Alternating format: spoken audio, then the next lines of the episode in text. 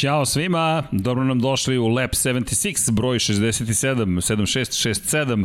Uvijek je neki jubilej ili igra brojki, igra reči. Brzo smo 76. Vratili smo, da, brzo smo u 67. pa 76. stiže i taj jubilej. Biće zabavno, već imamo nasmenu gosta, ali da krenemo od početka. Moj dragi prijatelj kolega Pavle Živković, Pajur je dostavio si mi prošle nedelje, nekako je bilo čudno. Pa da smo se čuli utorak, utorak da. ono, kao utorak prazan, nema ništa. Ne, ne, moguće. mora da se radi, mora da se radi, radi Adap 76, tako, tako da smo ponovo sa vama, nemojte ništa da brinete, nećemo ići dalje. Martin nam je tu, već ste videli njegovu ruku, kadru i spremanje. Martin, Imao si vatreno krštenje malo pre Martine, tako, tako I tako. to je bilo onako uzbudljivo vatreno krštenje. Pa bilo je zanimljivo odmah, kako se zove, sa ulice pred mikrofon. Da, to, to vidi, sam, to, to je Formula 1, nema ovde, ne, nema opuštanja. Čim uđeš u studiju na kraju... Odmah za Tako odmah. je, kreće zabava. Nego, da prvo uradimo par stvari. Pod jedan hvala vam za strpljenje, nije nas bilo dve nedelje, s obzirom činjenicu da smo sređivali studiju. Neko je pitao šta ste promenili sve isto. Promenili smo iznad nas mnogo toga, s obzirom na činjenicu da je gruba, jel te, grubi radovi su potrebni, građa određena je sada iznad nas, koja će nam omogućiti kasnije da budu još bolji snimci i da uradimo neke nove stvari. Fini radovi stižu za dve nedelje, a onda treća faza je tamo negde u polovinom marta. Ali nemojte da brinete, više nećemo prekidati rad. S druge strane, kao što uvek šaljemo poruku, dakle vozite računa jedni drugima, mazite se, pazite, čuvajte se i dalje nije jednostavna situacija, pogotovo kada reč o epidemiji. I sa treće strane moram da spomenem majice, majice, evo Ivan je tu, prošli put sam u glavobolju zadao, zadao moja krivica, da šta sam uradio, misleći da su majice već spremne, pošto smo ih naručili, to ne, to tako ne funkcioniše. Kada ih naručiš, one tek kreću u proizvodnju, tako da ja vas molim za malo strpljenja. Hvala svima koji su poručili majice, stiže vam i e-mail, pa ja ću ga potpisati, Paja i Deki i Džanki će se pridružiti i majice bi uskoro trebalo da krenu put vas. Čim budu krenule, ovog puta ću vam javiti, gledaju me svi podozrivo, s obzirom da još nisu stigli u naše ruke. Čim stignu, šaljemo ih i svi paketi koji eventualno nisu došli do vas, doći će, nemojte da brinete. Malo pre smo radili, pokušali Martina da radimo prenos SN9 koji u već vremenu poleteo, nije se baš spustio, eksplodirao je ponovo pri sletanju. Starship je u pitanju Elona Maska, pa eto, iskoristio se priliku Maske puno obećavao, na kraju je ispunio. Evo, ja volim da obećavam, pa ćemo ispuniti nisam baš Elon Musk, ali da mi krenemo. Martine, dobro nam došao. Bolje vas našao. Ti si čovek koga smo predstavili kao nekadašnjeg člana tima Toro Rosso. I to zvuči tako, tako lepo pre svega i to je živa istina. Ti si radio za Toro Rosso, radio si za ekipu Williamsa. Zvuči pomalo i, i nestvarno, znaš, kao činjenica. Naš čovjek bio u Toro Rosu, kao naš, baš zvuči onako neverovatno. I još čisto da dodamo, pošto ti nije bio dovoljno pritisak malo pre za SN9, čovek koji je bio u fabrici, bio je i deo ekipe i bio je čovek koji između ostalog bio zadužen za promjenu točkove. Da li grešim Tako tokom trke? Tako je, zadnji desni točak. Če, čim bolidu? E, na Gaslijevom bolidu. Pjera Gaslija. Mislim, radi se na, na oba bolida, pošto jedan tim menja, kako se zove, točkove. I Mislim, jedan tim radi pit radi stop. pit stop. Nema dve ekipe. Jeste imali dvostruki pit stop? Uđe i jedan i drugi, jedan za drugim zaredno. Šalim se. Ja, ja nisam, ja nažalost. Ali sam vežbao i te situacije. Vidi, mi tebe gledamo kao relativno lakog gosta. Zašto? Ja imam samo jedno pitanje. Kako si ti ušao u formulu. Ključno pitanje. I mi ćemo sada da se opustimo, predamo ti mikrofon i, i priči. Lab 76 je tvoj. Upijamo. I slušamo i učimo. Opet u vatru. Pa da. ne, ne znam šta, hoćete duže ili kraću priču? Tvoju priču. O... Koliko god da traje. Dobro. Ovaj, Beskonačno traje da. tvoj je mikrofon. Ništa, podrazumeva se da sam od malena kao klinac voleo alate, voleo sam tehnologiju, sve živo, tehničko obrazovanje. Ovaj, profesor tehničkog u, u mestu odakle sam je ovaj, dosta uložio u klince, dosta se potrudio oko toga da nas nauči svašta. Počeo sam sa nekim raketnim modelarstvom, pa brodomodelarstvom, kasnije su me počeli zanimati motori sa unutrašnjim sagorevanjem i tako je to krenulo. Sve vreme sam naravno pratio Formula 1 kao klinac ovaj, i tu sledi moj odlazak u Nemačku. Tad sam prvi put kontaktirao Matu Rimca, znate za Rimac automobile uh u mhm. Zagrebu. Da. Ovaj, kontaktirao sam ga sa nekom suludom idejom da ja dođem tamo kod njega na neku praksu, internship, šta god. Ovaj, I to je onako bilo dosta s moje strane neozbiljno. Ja sam poslao neki CV, on je pravim čudom na to odgovorio, ali nisam otišao iz nekih pravnih razloga. Par meseci nakon toga ja ponovo pokušavam, ali iskapiram više nije tako lako kontaktirati Rimca. Ovaj, snimim neki video i pošaljem mu nakon mesec dana ne znam, tipa u jedan ujutro stiže mail Mate Rimac. Oduševljen, Martine, kad dolaziš? I ništa, tako je to krenulo. Ovaj, otišao sam u Rimac automobile, tamo sam proveo skoro dve godine. Ovaj... Šta si tačno radio u, u Rimac mm -hmm. automobilima? To zvuči tako jednostavno. Otišao sam pa da, kod Rimca i... i... da, ali bukvalno sa jednim ruksakom i promenio i državu i kako se zove i okolinu i ljude.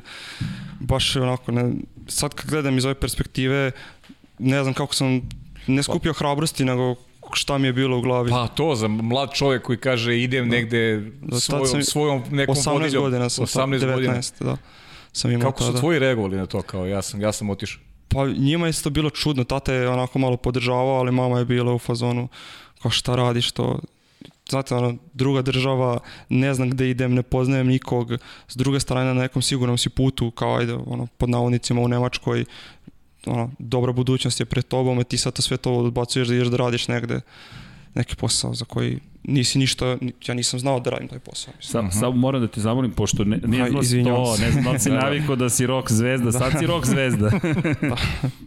I čekaj, i mama, a to je standardna priča, roditelji ti kažu ne, zašto to, siguran posao, stabilna plata, budućnost, penzija, Ma da, to je njihova, njihova bila... projekcija sigurnog posla, da, kao ideš u Nemačku. Kao, da, da. Znaš kako mi smo otišli odavde za, za tim nekim boljim životom i onda ja posle, ne znam, pola godine odlučim da batalim sve to i sad ja kao jurim neki svoj, neku svoju ideju.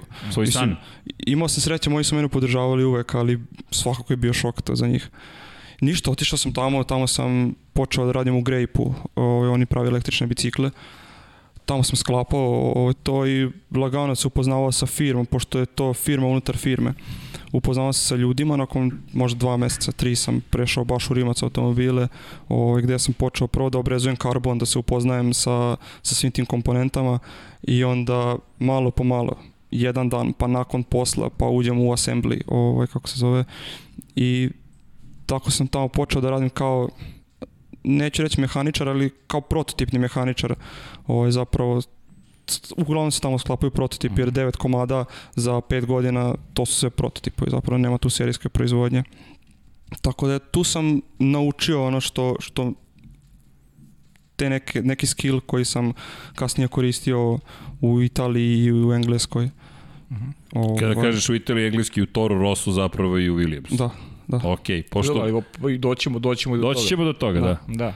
O, ali mislim, sad, ja sam uvijek dosadan sa tom pričom kad pričam. O, nama nisi, da, veruj mi. Mi je pri, mi je prvi čujemo, da. naši gledalci prvi put čuju. Mnogo, mnogo od, ne mnogo, nego najveći deo od celog tog svog uspeha dugujem Mati Rimcu koji je zapravo prepoznao nekog klinca sa interneta koji mu je poslao video i rekao čekaj, on možda ima potencijal, ajde da mu damo priliku.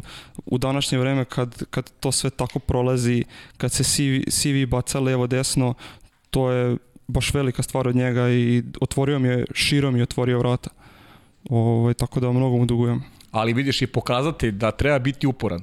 Jednom si se javio pa si javio ponovo. Jeste. Znači negde si svoju neku želju uh, pokazao time što si se javio u više navrata. Znaš, neki, neki odustaju prvi put, kao ovaj mi se nije javio, neće više nikada mi se javi. Jeste, pa... A ti si pokazao taj interes, mislim, ono što tebe zanima si stavio do znanja da, da, da to baš želiš. Jeste, i, i neću lagati, bio sam dosadan. Mate je dobio nekoliko mailova od mene, poslao sam verovatno poruku svim ljudima koje on ima na listi prijatelja, ovaj, bio sam dosadan, ali to se isplatilo. Isplatilo se meni, sigurno sam i ja njima koristio tamo na neki način, na kraju krajeva radio sam kod njih. Ovaj, tako da ono poruka svim klinicima jurite to što to što volite i to što želite. Slažem se. Da. To je poruka koju stalno negde šaljemo, Jest. ali dodatle počinju svi snovi od te ideje i onda kažeš, ok, ja ću sad tu ideju da sprovedem u, u, u stvarnost i ti si neko ko je iz naše perspektive ljubitelja Formula 1 otišao najdalje. Znaš, ušao si u Formulu 1 i te, meni je fascinantno da to kreće praktično iz, kreće naravno, pre svega od tebe, od tvojih snova, od tvoje rešenosti da uspeš i od regiona. Ako pogledaš, ti si otišao do Hrvatske, iz Hrvatske to je bila odskočna daska za, za put dalje. Rimac koji je sada robna marka, ime i kao što si rekao, jednom momentu je bilo lakše doći do njega, umeđu vremenu mnogo malo lakše, teže. lakše. Ali je meni fenomenalna ta upravo priča kako možeš sa ovih prostora da postigneš tako mnogo.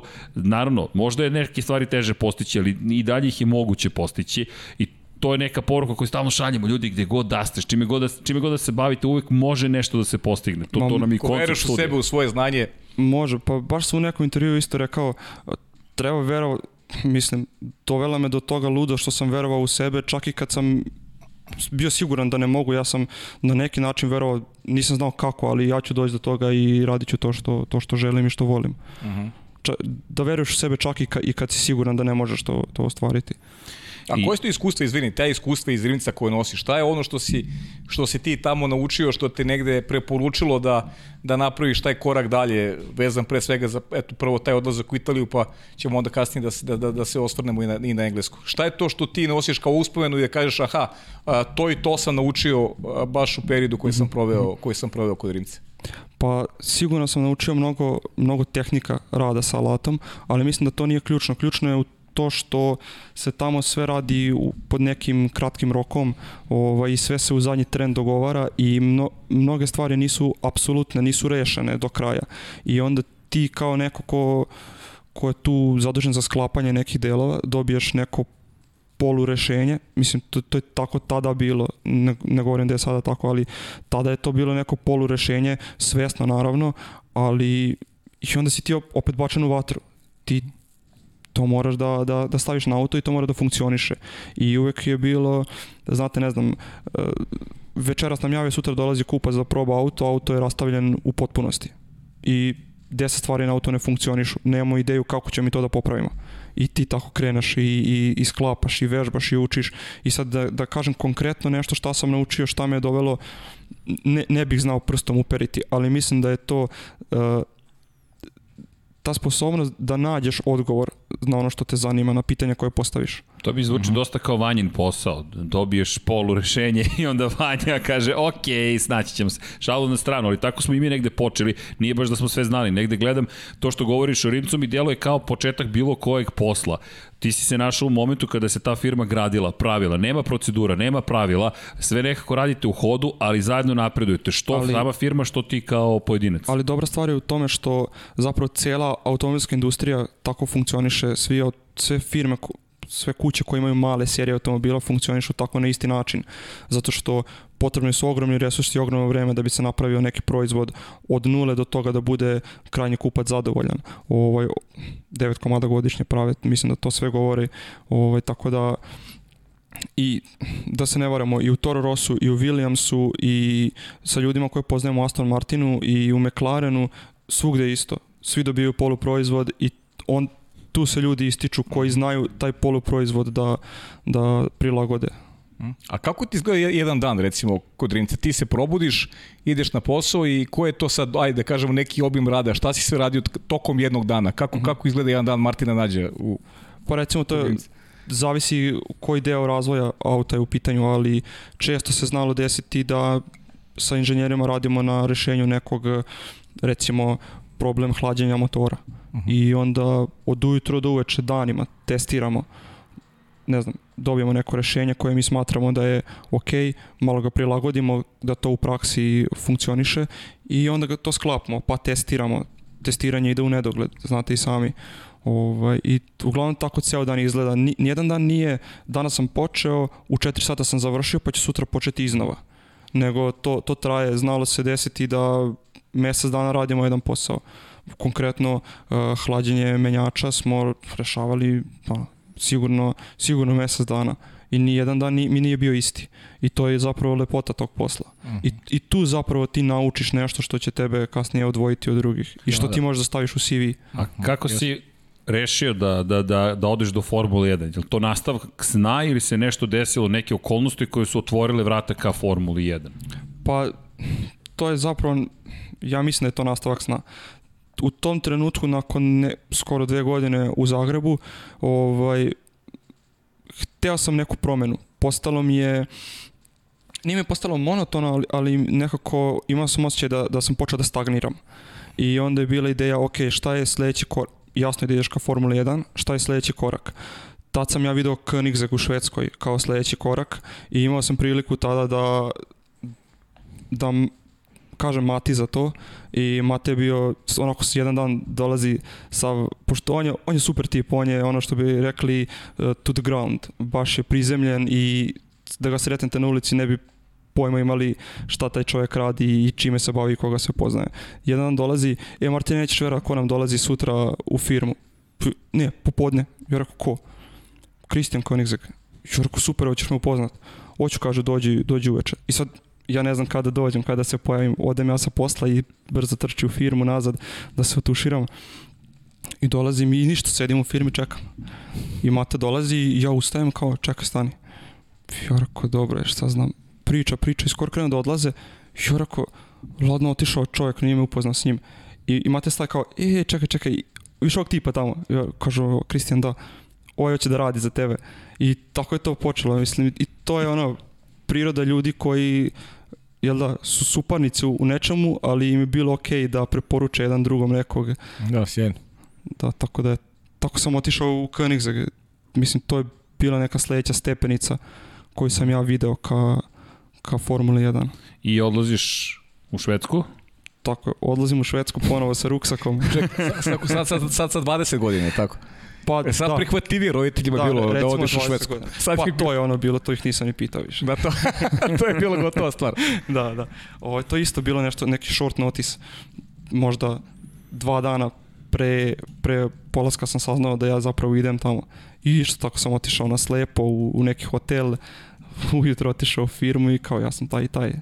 I ništa trajao probni rad sedam dana i na, na tome je i ostalo. E, nisam nikad nastavio kod njih da radim. E, oni su se meni svideli, ja sam se njima svidao, nismo se mogli dogovoriti oko nekog ugovora, postoje problem u komunikaciji o, između Zagreba i, i kako se zove, Angelholma tada, Mhm. gde uglavnom nismo mogli da se dogovorimo oko ugovora.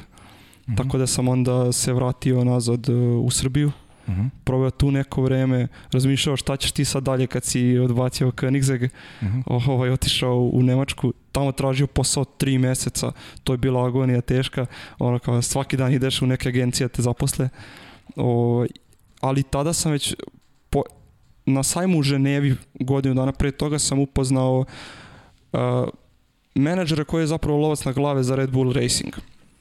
Mhm. Ovaj, I tu su mi razmenili kontakt i ja sam njemu rekao da je meni ideja jednog dana da možda pokušam. I on je meni dao kontakt i ja sam to zaboravio skroz. I u Nemačkoj sedim na LinkedInu i kao šta ću ja raditi, kako ću se zaposliti, kontaktiram Aston Martin, kontaktiram McLaren, sve žive, ali automotive sektor. I setim se, čovječe George. I onda sam ovaj, kontaktirao njega, rekao mu šta želim, kako i onako on kao grom iz vedra neba, super, javim ti se za par dana šta sam uradio. I ja sad kao tri dana, četiri, pet, ne znam ni već koliko čekam da, da mi se javi. Ovo, I onda mi se javio sa idejom, ej, hoćeš Toro Rosso? Ja onako rekao, Toro Rosso, šta, šta jel hoću? Mora Toro Rosso, znaš. Kaže, dobro, uh, ja sad moram njima ponuditi tvoj CV, tako ide. Rekao, dobro, i onda opet dva dana čekanja, javi se iz Toro Rossa posle dva dana, Martine, nisi pravi kandidat. I ništa, opet sve nizbrdo. Mhm. I vidim ja u narednih nedelju dana stalno isti oglas za posao. Stalno, pošto sam našao Đorđa na LinkedInu i on stalno šiba isti oglas. A ja, ona, ja tad nisam sastavio dobar CV. Nisam imao nikog da me nauči da napravim CV kakav oni gledaju. I onda sam ono, uh, nešto napravim pa skontam nije dobro i on ispravio sam ga. I nazovem Đorđa, rekao vidi Đorđe, ja mislim da, ne mislim, siguran sam da moj CV nije dobar i da na osnovu tog CV-a nisu mogli da me procene dobro. Hajde da ga ispravimo i da ti pošalješ ponovo. Ja sam nje, iskukao sam mu ono, znate kako to već ide. I Znamo. Da. opet ja zaprepašćen, on kaže može. A opet ona priča s početka. Opet ta volja. Da, Ta želja da uspeš u tome što si ti naomio, pa po cenu da, da zoveš iznova, da se javljaš Jeste. istim ljudima. Znači nije onaj prvi korak kao nisi prošao, Ne. e sad više neću da zovem. Idem ponovo, zovem ponovo dok se stvari ne promene. tako je. I njima pokazuješ koliko ti je stalo do, do, do tog posla. Pa verovatno, o, ima i, i zanimljiva priča kad sam mi odlazio iz Toro Rossa, baš su mi to o, rekli, pa kako Martina odlaziš sada, ti si onaj koji je ono, gurao za ovaj posao, ti si navaljivao šta, šta se dešava sada, zašto nećeš više. I uglavnom, George kaže, dobro, ajde, poslaćemo im ponovo. I sećam se, tada sam već našao neki posao u Nemačkoj, počnem da radim i sećam se, zva, zvaće me oko jedan, kaže. Napravim neku pauzu, čekam da me zove, nikako da minut traje godinu dana. I kada me nazvao, nikad neću za- zaboraviti tu rečenicu. Martine Toro Rosso hoće da dođeš kod njih. Ima kvaka, moraš biti tamo za dva ili tri dana. Mhm. Nema problema. I ništa. Aerodrom, ruksak ponovo i Bolonja. Ruksak je ključna Ruk- pa stvar. ne, ne. Morate da imate dobru torbu Tako za je. putovanje. K- ključna u celoj priči je reč je ruksak, da. Pa, Shvatili smo. ruksak je, valjda, da, ne znam, pratio me ovo kroz, kroz, Čekaj, pa gde je ruksak? E, nije ovde, nažalost. ok, ništa, to... Poenta je poneti što manje stvari, gde god što manje stvari. Manji prtljega. Manji prtljag, da, to je bolja, bolja priča. Dobro, Jeste. dobro, ali ruksak, pazi, znaš šta mi pada na pamet? Pa ruksak moramo da, da trebujemo za, za studiju na kraju univerzuma. Martinov Aha. ruksak. Može. Šalim se, ne brini, nećemo ga otimati. I čekaj, ti sad polako krećeš put Italije, Da. Toro Rosso, ideš u Faencu.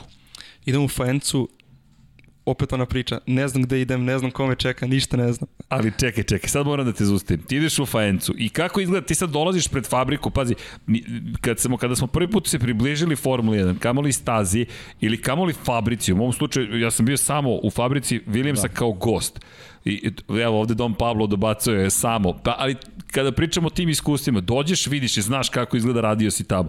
I gledaš i to je san. Kako ti izgleda tvoj taj dolazak, taj prvi dan, dolaziš u tim Formule 1, više ne pričamo, i, i Rimac je mnogo, pričati o Koenigseggu i, i nismo te pitali na kojem automobilu si radio, to je isto zanimljivo, to je postao su sportski A, automobili U, u Koenigseggu ili u Rimcu? u Koenigseggu. U Koenigseggu sa- sam radio u prototipnom odeljenju na Regeri tada. Uš, dobro. Ovo, Ne, tada Regera još nije izašla u serijsku proizvodnju, tako da sam radio na, to je bio prvi prototip zapravo.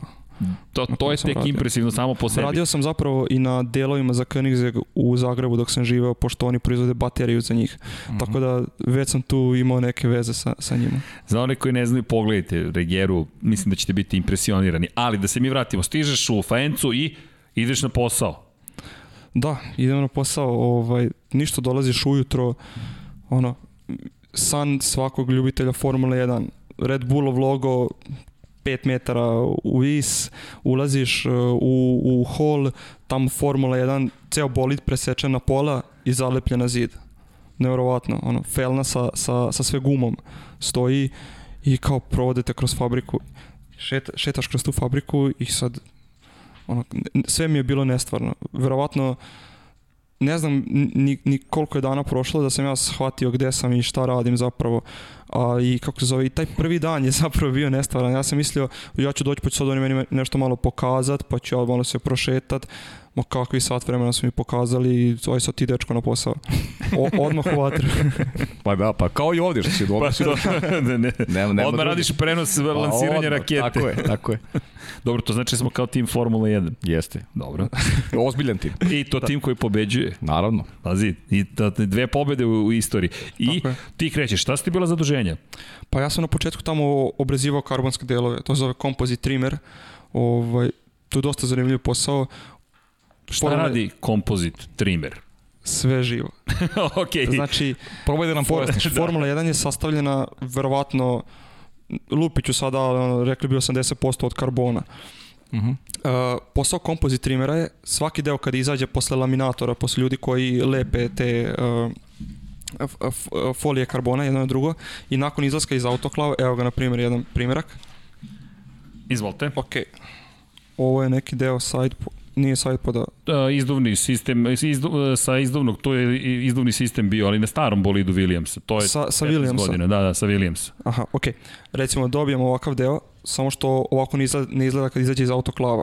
On je, pun oštrih ivica, ne izgleda ovako, recimo, Samo da Nema... objasnimo, autoklav je zapravo peć. tako je, autoklav je peć koja radi pod pritiskom ovaj, na temperaturi od nekih, ne znam, sada sad ću, lupit ću za temperaturu, ne, neću reći koja je temperatura. Da mislim, Ovaj- da, ali da, ne znam da li je preko 1000 stepeni, 800 je svaka. Peć koja radi nešto. pod pritiskom nekoliko sati, koja zapravo o, spaja sve te, sve te slojeve karbona, pošto u ovome sigurno ima 30 slojeva, možda i više. Oni su uslovno rečeno u savitljivom stanju, oni se lepe je. jedan na drugi. Oni su kao krpa. Pravi se kao tako i neka vrsta saća praktično Tako praviš, ukrštaš ih na različite načine Tako kako bi se struktura ojačala kada se ispeče. Između njih se nalazi smola i kada se ta smola stvrdne, zapravo dobijemo jedan ovakav, ovako rigidan deo. Koji je lagan, a istovremeno Lagan. čvrst. Da, koji je lagan, a kada izađe iz autoklava nije finalni proizvod, nije ni blizu toga.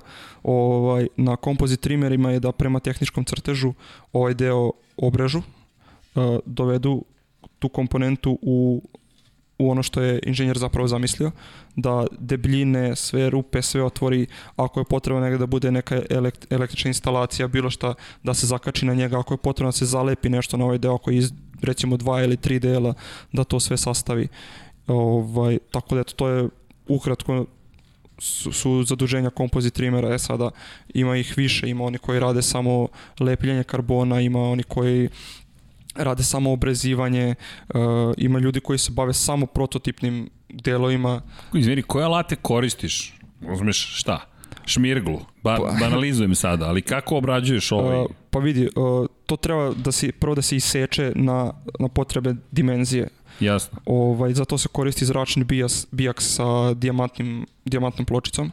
Ovaj, tada posle nakon toga koristiš sve alate koje može da vidiš. U... To je ručni rad. Da, da, to je u potpunosti ručni rad.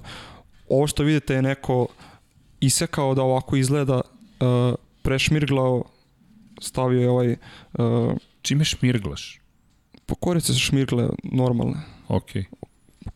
Pa zapravo ista šmirgla kao za drvo. Ok. Ovaj, uh, stavio ovaj heat coating i eto, mislim... To je sloj da. zaštite od toplote da, da, da. da i dobiješ nešto što kasnije neko dobiješ uzme nešto što tako izgleda. zašrafi na bolid Formula 1. S tim da nije to baš tako jednostavno uzeti i izrezati, zato što, na primjer, dođete u Toro Rosso gde vam kažu ovaj ovde flap ili nosač treba da bude 2,42 mm. Okay. I sad ti uzmeš to slobodnom rukom da, da radiš. I treba da dođeš do 2,42 mm. Šta ako bude 2,41? Pa postoji toleranca neka od 0,1, ali kako se zove, to je teško pogoditi i onda ti dođeš sa ne znam 2.40 i on ti to vrati nazad i ideš ponovo. Ovaj, što znači da ti ponovo lepiš novi sloj karbona, stavljaš u pećnicu ponovo da se peče, ponovo obrađuješ, provjeravaš debljinu. Koliko to može da traje? To zna jako dugo da traje. Naprimjer, recimo, ovakav neki komad, neko ko dugo radi može da sredi recimo za ono, pola sata, 45 minuta, ali ako govorimo o sastavljanju recimo prednje krila ili zadnje krila koje je još kompleksnije, to može da potraje i dobra tri dana, sigurno. Pogotovo, ne znam, na primjer, ako ima, imamo side pod, tu ima mnogo, to se, sys sail se zove, ne znam kako bismo to preveli, ili barge board. Sys sail je deo barge boarda. Da, barge board su zapravo površine koje stoje sa strane praktično i ako go, barge je. board je predulazak u, u sisnik zapravo koji se koristi za hlađenje. I on ima, za, on ima krilca na sebi koje usmeravaju vazduh Jest. kao određenim delovima bolida i monokoka, to jest monokoka. Ovaj, tu, tu na primjer ima, ja sam radio u Williamsu deo koji ima preko 40 krilaca i sad svako krilce ima svoj ugao na koji ti mhm. moraš da ga podesiš i a sve se sklapa odjednom, sve se lepi odjednom i onda to zahteva mnogo vremena. Naprimjer, meni je nedelju dana trebalo da sklopim jedan deo koji će ići na testiranje. Mm -hmm. To je užasno stresno, jer to je, M je to jedini primjerak u, u timu, M je izuzetno je teško to dovesti se na, na, na tako da bude prema tehničkim crtežima, jer inženjer koji je to nacrtao je obično to nacrtao prvi put i zapravo nije ti dao sva rešenja koje treba, nije napravio dobar, uh, dobre nosače, nije dobro, kako se zove, jig napravio, o, tako da zna to da, da uzme mnogo vremena. Prosto terate negde da razmišljaš da terate da, da, mnogo da, da, da razmišljaš da improvizuješ i... malo na osnovu onoga što si dobio kao kao neku kao neki crtež po znacima da. navoda. Izvini, ovo nam je nekako dobra priča i o tome koliko truda zapravo ulazi u to da stvoriš bolid Formula 1. A, hajde da, da, da to nekako pretvorimo. Naravno, bitna je, tvoja priča je najvažnija, ali mi smo svi ovde ljubitelji Formula 1. I sada, desi se incident, slome se delovi, vi imate rezervne delove. Kada da. koja količina rezervnih delova koje ti imaš na raspolaganju? Pa za, zavisi koji je deo sezone u pitanju. O, na primjer, kada se govori o predsezonskim testiranjima, pitanje je da li postoji rezervni deo. Veliko je pitanje da li postoji rezervni deo. Postoji za prednje krilo, recimo, ili za zadnje krilo. Ali, na primjer, za podnicu, teško da postoji. Videli smo Williams pre dve godine, došao je sa jednom podnicom sa koliko dana kašnjenja, Ka, inače kasnije... To je da, 2019. Williams je tada kasnio zbog podnice, jer je kasno izašla iz eh, inženjerskog ureda, ovaj, gde nisu mogli da završe to. O, nije, nije to stvar bila na, na ljudima u proizvodnji, bila je stvar jednostavno što su kas, kasno završili. Ceo ciklus dok ti isprojektuješ, pa onda pošalješ na proizvodnju, pa dok se to pripremi, ispeče, obradi Da. i stavi na onda na bolid. I A recimo- toga ne možeš. Recimo, radio sam na, na podnici Williamsovoj u februaru 2019. 20. Dobro? Prošle februar, godine, prošle 20. godine, Da, da. da, da. Ovaj, uh, za nedelju dana sam montirao 1300 senzora na podnicu. 1300 1300 senzora pritiska na podnicu. Ovaj, I sada mi govorimo da ti na testiranje treba da doneseš dve takve podnice. To je jako teško. Na primjer, bargeboard Williams je imao samo jedan rezervni koji je došao tek na drugi ili treći dan testiranja. Razumete, tako da se nešto desilo u, recimo, na prvom danu testiranja, mogli su da sede. I ima, ima uh, ekipa uh, mehaničara tamo koji se bave samo popravkom tih delova na stazi. Na stazi će se nalaziti i mali autoklav, nalazit će se svi potrebni alati, ali često se naprave takve štete da je to nemoguće popraviti. A koliko? kako se rešava to ako kažeš nemoguće se popraviti? A prosto se uvek popravi, ja se Pa ne uvek da se se dogodilo, kad se dogodilo da se nije popravilo. Popravi se da li neka stignu delovi iz fabrike Uh -huh. avionom, Iz, helikopterom. izvini, možeš Vanja da vratiš ovaj kadar? Ovo je iz foajea. Williams, ovo je bolid iz 2018. godine, ja mislim. S obzirom da Rocket je bio sponsor 2000, 2019. oprostite, 2020. je trebalo da bude Rocket. Ovo je iz 2019. bolid jeste. I možemo tu da piše Rocket crno-belim, to je u suštini kada pričamo o barge boards i kada pričamo o tom, tim bočnim zapravo Tako je, delovima. tako je. Tu govorimo, možemo da vidimo koliko tu ima delova koji su vrlo osetljivi i kada govorimo o podnici, koliko je kompleksna za, za, za proizvesti, oni će promeniti ove godine dosta oblik podnice Da. za 2021. i pojednostaviti. To zbog pravila sam video Jeste. da moraju dosta da, da odrade. Da, i e, kada pričamo, mislim da ima još nekoliko fotografija baš iz Williamsa koje su tvoje, ali da, da iskoristimo ovu priliku, e, e to je ta, ovo je sjajan, e, si ovo ti fotografisao? Da, da. Dakle, ovo je tvoje radno mesto. Da. Uh, u Williamsu sam ovde bio za predsezonske pripreme. Međutim, čak i ljudi koji nisu, uh, mehaničari koji nisu uh, određeni da idu na predsezonske testove, uh, koji imaju neko iskustvo, se pripremaju da rade određene poslove za slučaj da moraju da ulete. Jasno. Čak i ako se znalo da ja neću biti, ovde sam vežbao ovaj pit stop. Tako da zadnji desni. Tvoj zadnji desni Moj zadnji točak, to je to, točak, to. Šta si radio konkretno na, na zadnjem desnom točku? Gunman. Šta, gunman. Da. O, revolveraš je sa nama. Nemoj samo potežeš na nas. I čekaj, kak, kakav je to moment kad kažeš sebi, ok, dolazi točak i... Divlji zapad. Evo ima pitanje, Đukica pita šta misliš o mehaničarima Red Bull. Ostavit ćemo pitanje za kraj, ali ljudi su svetski rekorderi. Ljudi su neverovatni. Videli ste šta su Verstappenu uradili na, na pit lane-u. Da, Sastavili su ceo auto za koliko? 18 u Mađarskoj, minuta. jest. Da, da. 18 minuta. I nedavno su izbacili video E, kako je to gledao sve. sam video, gledao sam video, fantastičan je video, da, fantastičan je, je jesi video. video ko je Jesam. to... Uh, I, i komunikacija, i komunikacija i ta smirenost Da. u, njiho, u njihovoj komunikaciji bez Jeste. drame, kao, kao da se dešava sve na neko, kao da je to vežba neka. Pa- a, a ne dešavanje pred, pred trku, u stvari od njih zavisi da će mak za sednu bolid uopšte. Da, iako sam bio deo toga i te komunikacije, sad kad sam slušao baš ovaj video koji je Red Bull objavio sam onako stao kako su ovako smireni. Da. Kako E, mene to znaju šta Ta- treba u tako, kom, e, e, to je suština. trenutku. To je suština, kako znaju u svakom trenutku šta treba da urade. To, to je adrenalin, to je neka, ne, neka vežba, to je rutina zapravo koju oni vežbaju. Tako da svaka mi čast. Ljudi su, da odgovorim na pitanje, fantastični su. Najbolji su, trenutno su najbolji u tome što rade.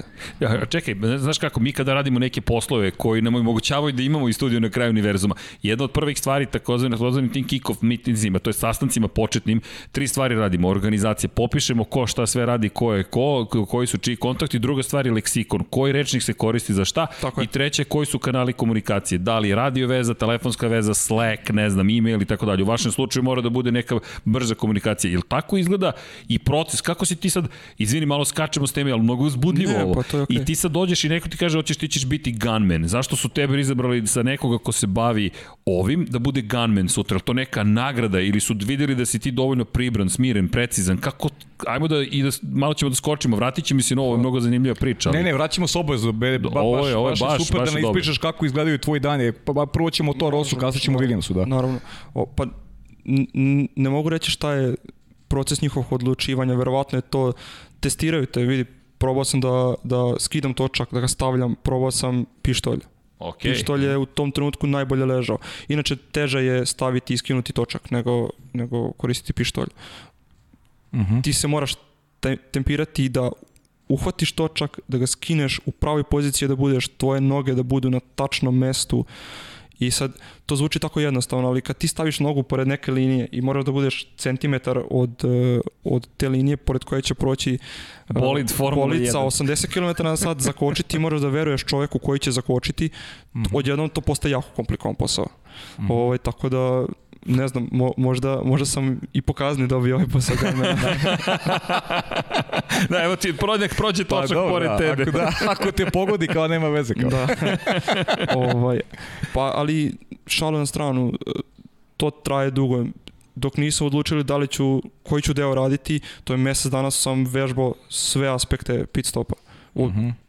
ostavljanja uh, prednje, prednje krila, od podešavanja uglova na njima, sve živo. Ispostavilo se da mi je ovo najbolje ležao. Imam, imam taj neki osjećaj za prostor da, što se toga tiče. Mhm. Tako da, verovatno to, verovatno i taj trud i rad i ne znam, u Toro Rossu sam bio, Koliko si da dugo radio za Toro Rosso? Kao tim pa radio kompletan? sam, bilo je to jedna sezona, u nekoliko stintova je bilo.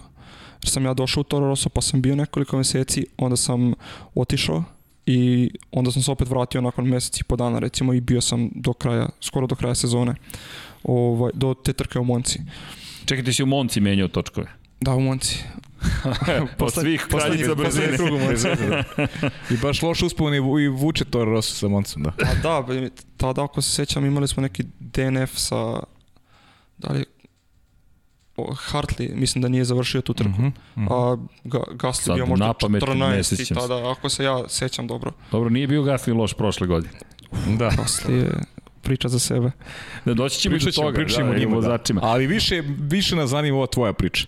A vidite, I to šta ti radiš, opet ti tvoji dani, š- š- po čemu pamtiš najviše, kako izgledao tvoj neki projekat, evo rekao si malo pa Red Bull, šta, ili imaš neka slična iskustva kao mehanični Red Bulla, verujem da nemaš baš takva, ali nešto što je tebi ostalo upeće, kažeš ja sam uradio nešto što je, što ću pamtim za uvek.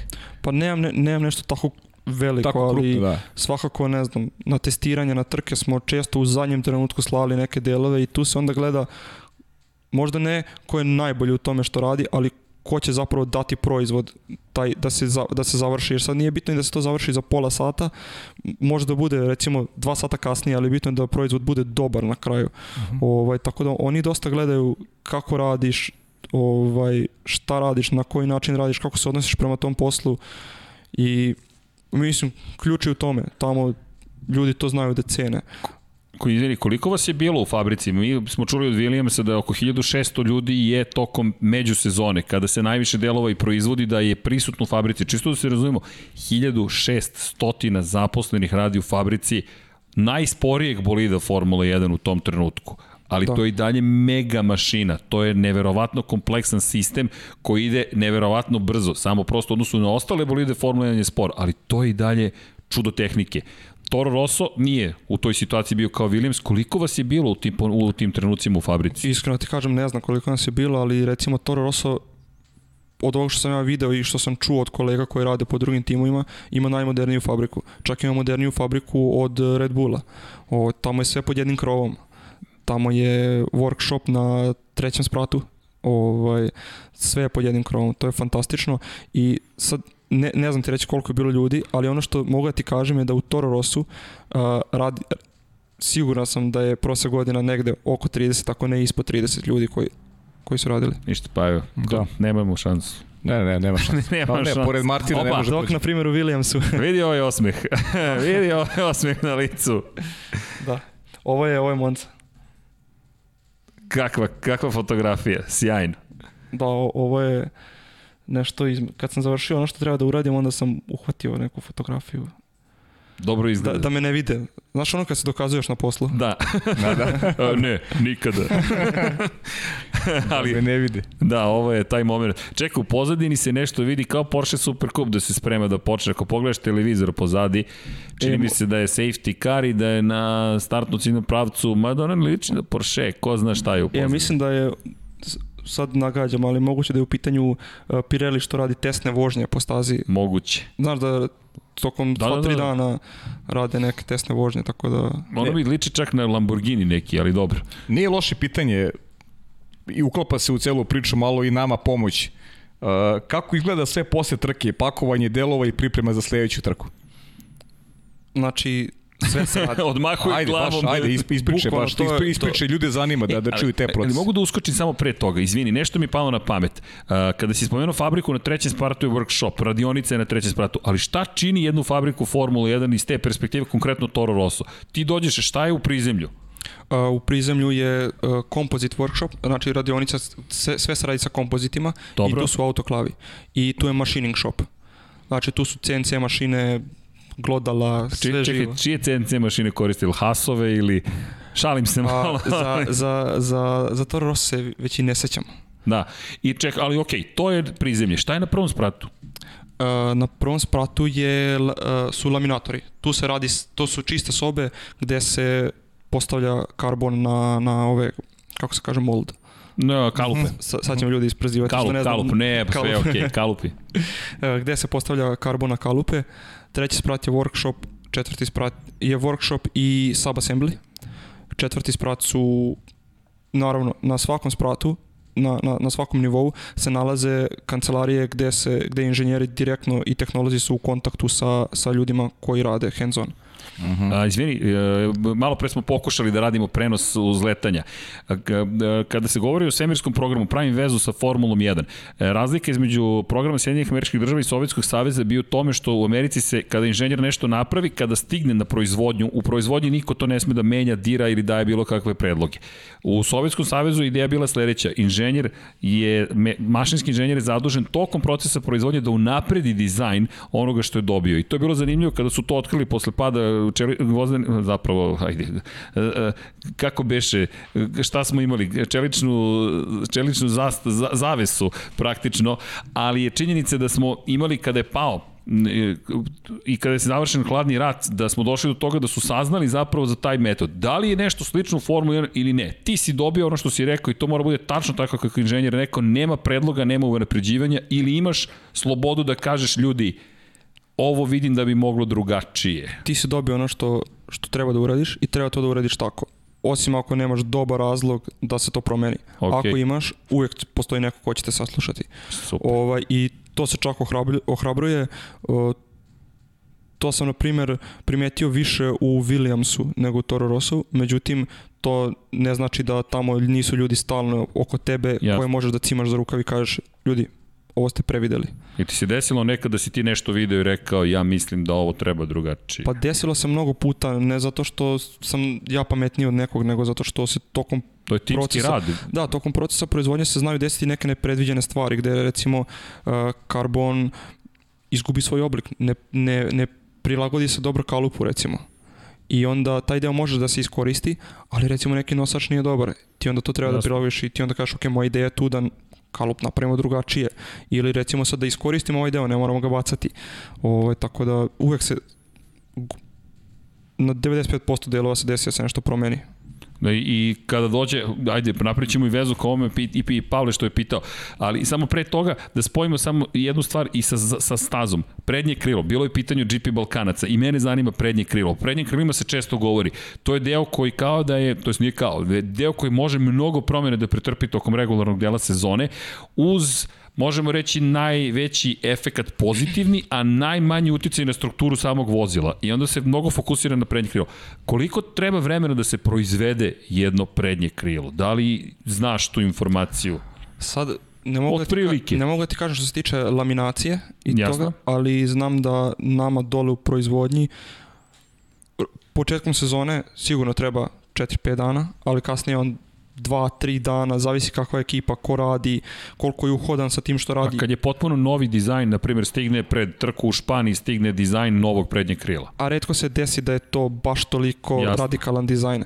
Ali recimo na početku sezone se zna desiti i onda zna nekad uzeti i 5 dana da, da, da praviš prednje krilo.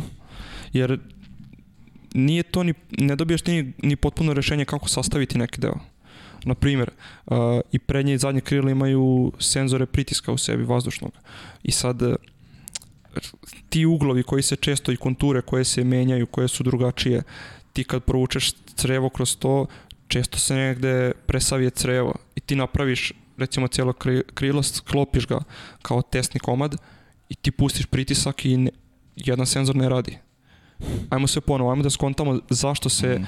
neko crevo presavilo baš na takav način, a to su sva ona bakarna creva mala koja se savijaju lepo, koje sa noktom možeš da oštetiš. Tako da zahteva dosta promišljanja i, on, i to onda zahteva mnogo vremena. Ali fenomenalno. I onda, kakav ti osjećaj kada izađe na stazu vozač, i slupa to prednje krilo u roku od pet krugova. Kakav ti, da li pomisliš, ok, sve iz početka? Je pa ne, neko, neko gleda kao, a brate, šta je sad uradio? A ima dosta ljudi po fabrici koji gledaju, ovo mi dođe još, ne znam, 30 radnih sati više ove nedelje. da, da, pa ima logike. I overtime. I, ima svega, da. Koji se plaća. To, naravno. da, naravno. Ali to je isto zanimljivo. Ti zapravo vodiš svoj dnevnik rada, nekoga vodi koliko si ti sati proveo u fabrici. To je više problem kada se desi nešto tokom samog trkačkog vikenda. Pa kada to je problem, da. Subota, pre podne se dogodi nešto, Kad ti, ti moraš da središ nešto trku, do da. sutra ujutro sa, ne znam, ograničenim resursima na stazi koje imaš. E, to je, to je velik problem i tu se onda desi puno onog što, što kažu u Zagrebu kemijanja. Razumeš, uh -huh. sad ti izmisli neko rešenje. I što si ti malo pre rekao, uvek se izmisli neko rešenje. Nikad se ne desi da se to, taj auto ne stavi na stazu. Ja, jesi bio u toj prilici da, da tako nešto radiš, da se dogodi nešto vanredno tako pa da... Pa ni, ni, na stazi nisam u ne, Formuli 1, ne, uh -huh. ne. Ali imao sam prilike u Zagrebu da, uh mhm. -huh. da pravim tako neke stvari koje ono... Mi često, kada, mada Paja najviše prenosi NASCAR, ali kada prenosimo NASCAR, samolepljiva traka se ozbiljno koristi. A čekić traka i čekić traka. Stari alat. ljudi. Da, duct tape. Blok zakovica. da. to, je, to je glavni alat. Mm. Super lepak duct tape. Sjajno. Yes. I kakav je pritisak pred sam početak kada je trkački vikend pred vama? Ne znam, putuje se za Australiju. Kada delovi moraju da budu spremni za početak sezone? Jel si imao priliku u tome da učestvuješ? Pa vidite, na primjer, uh, u Toro Rosso je to baš bilo zanimljivo, tu sam imao priliku to da vidim, nisam to imao priliku da vidim u Williamsu, izvinjam se. Ovaj, ima jedna prostorija u kojoj su kutije i na svakoj kutiji piše trka i datum. I znalo se desi da u januaru napravim nešto što će se trkati u Abu Dhabiju. Da bude tu i da čeka svoje vreme. A znala... U Abu Dhabiju, to je kraj godine. Da. I to je spremno u tom momentu. To je spremno recimo u januaru stoji. To su neki manje kompleksni delovi, ali su spremni. Ovaj, a zna biti pritiska.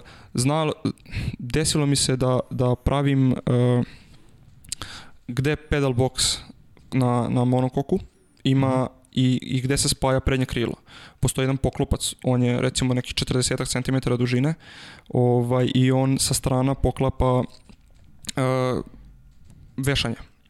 I, na primjer, to sam slao uh, nekoliko sati pre trku sam slao da ide na privatni avion.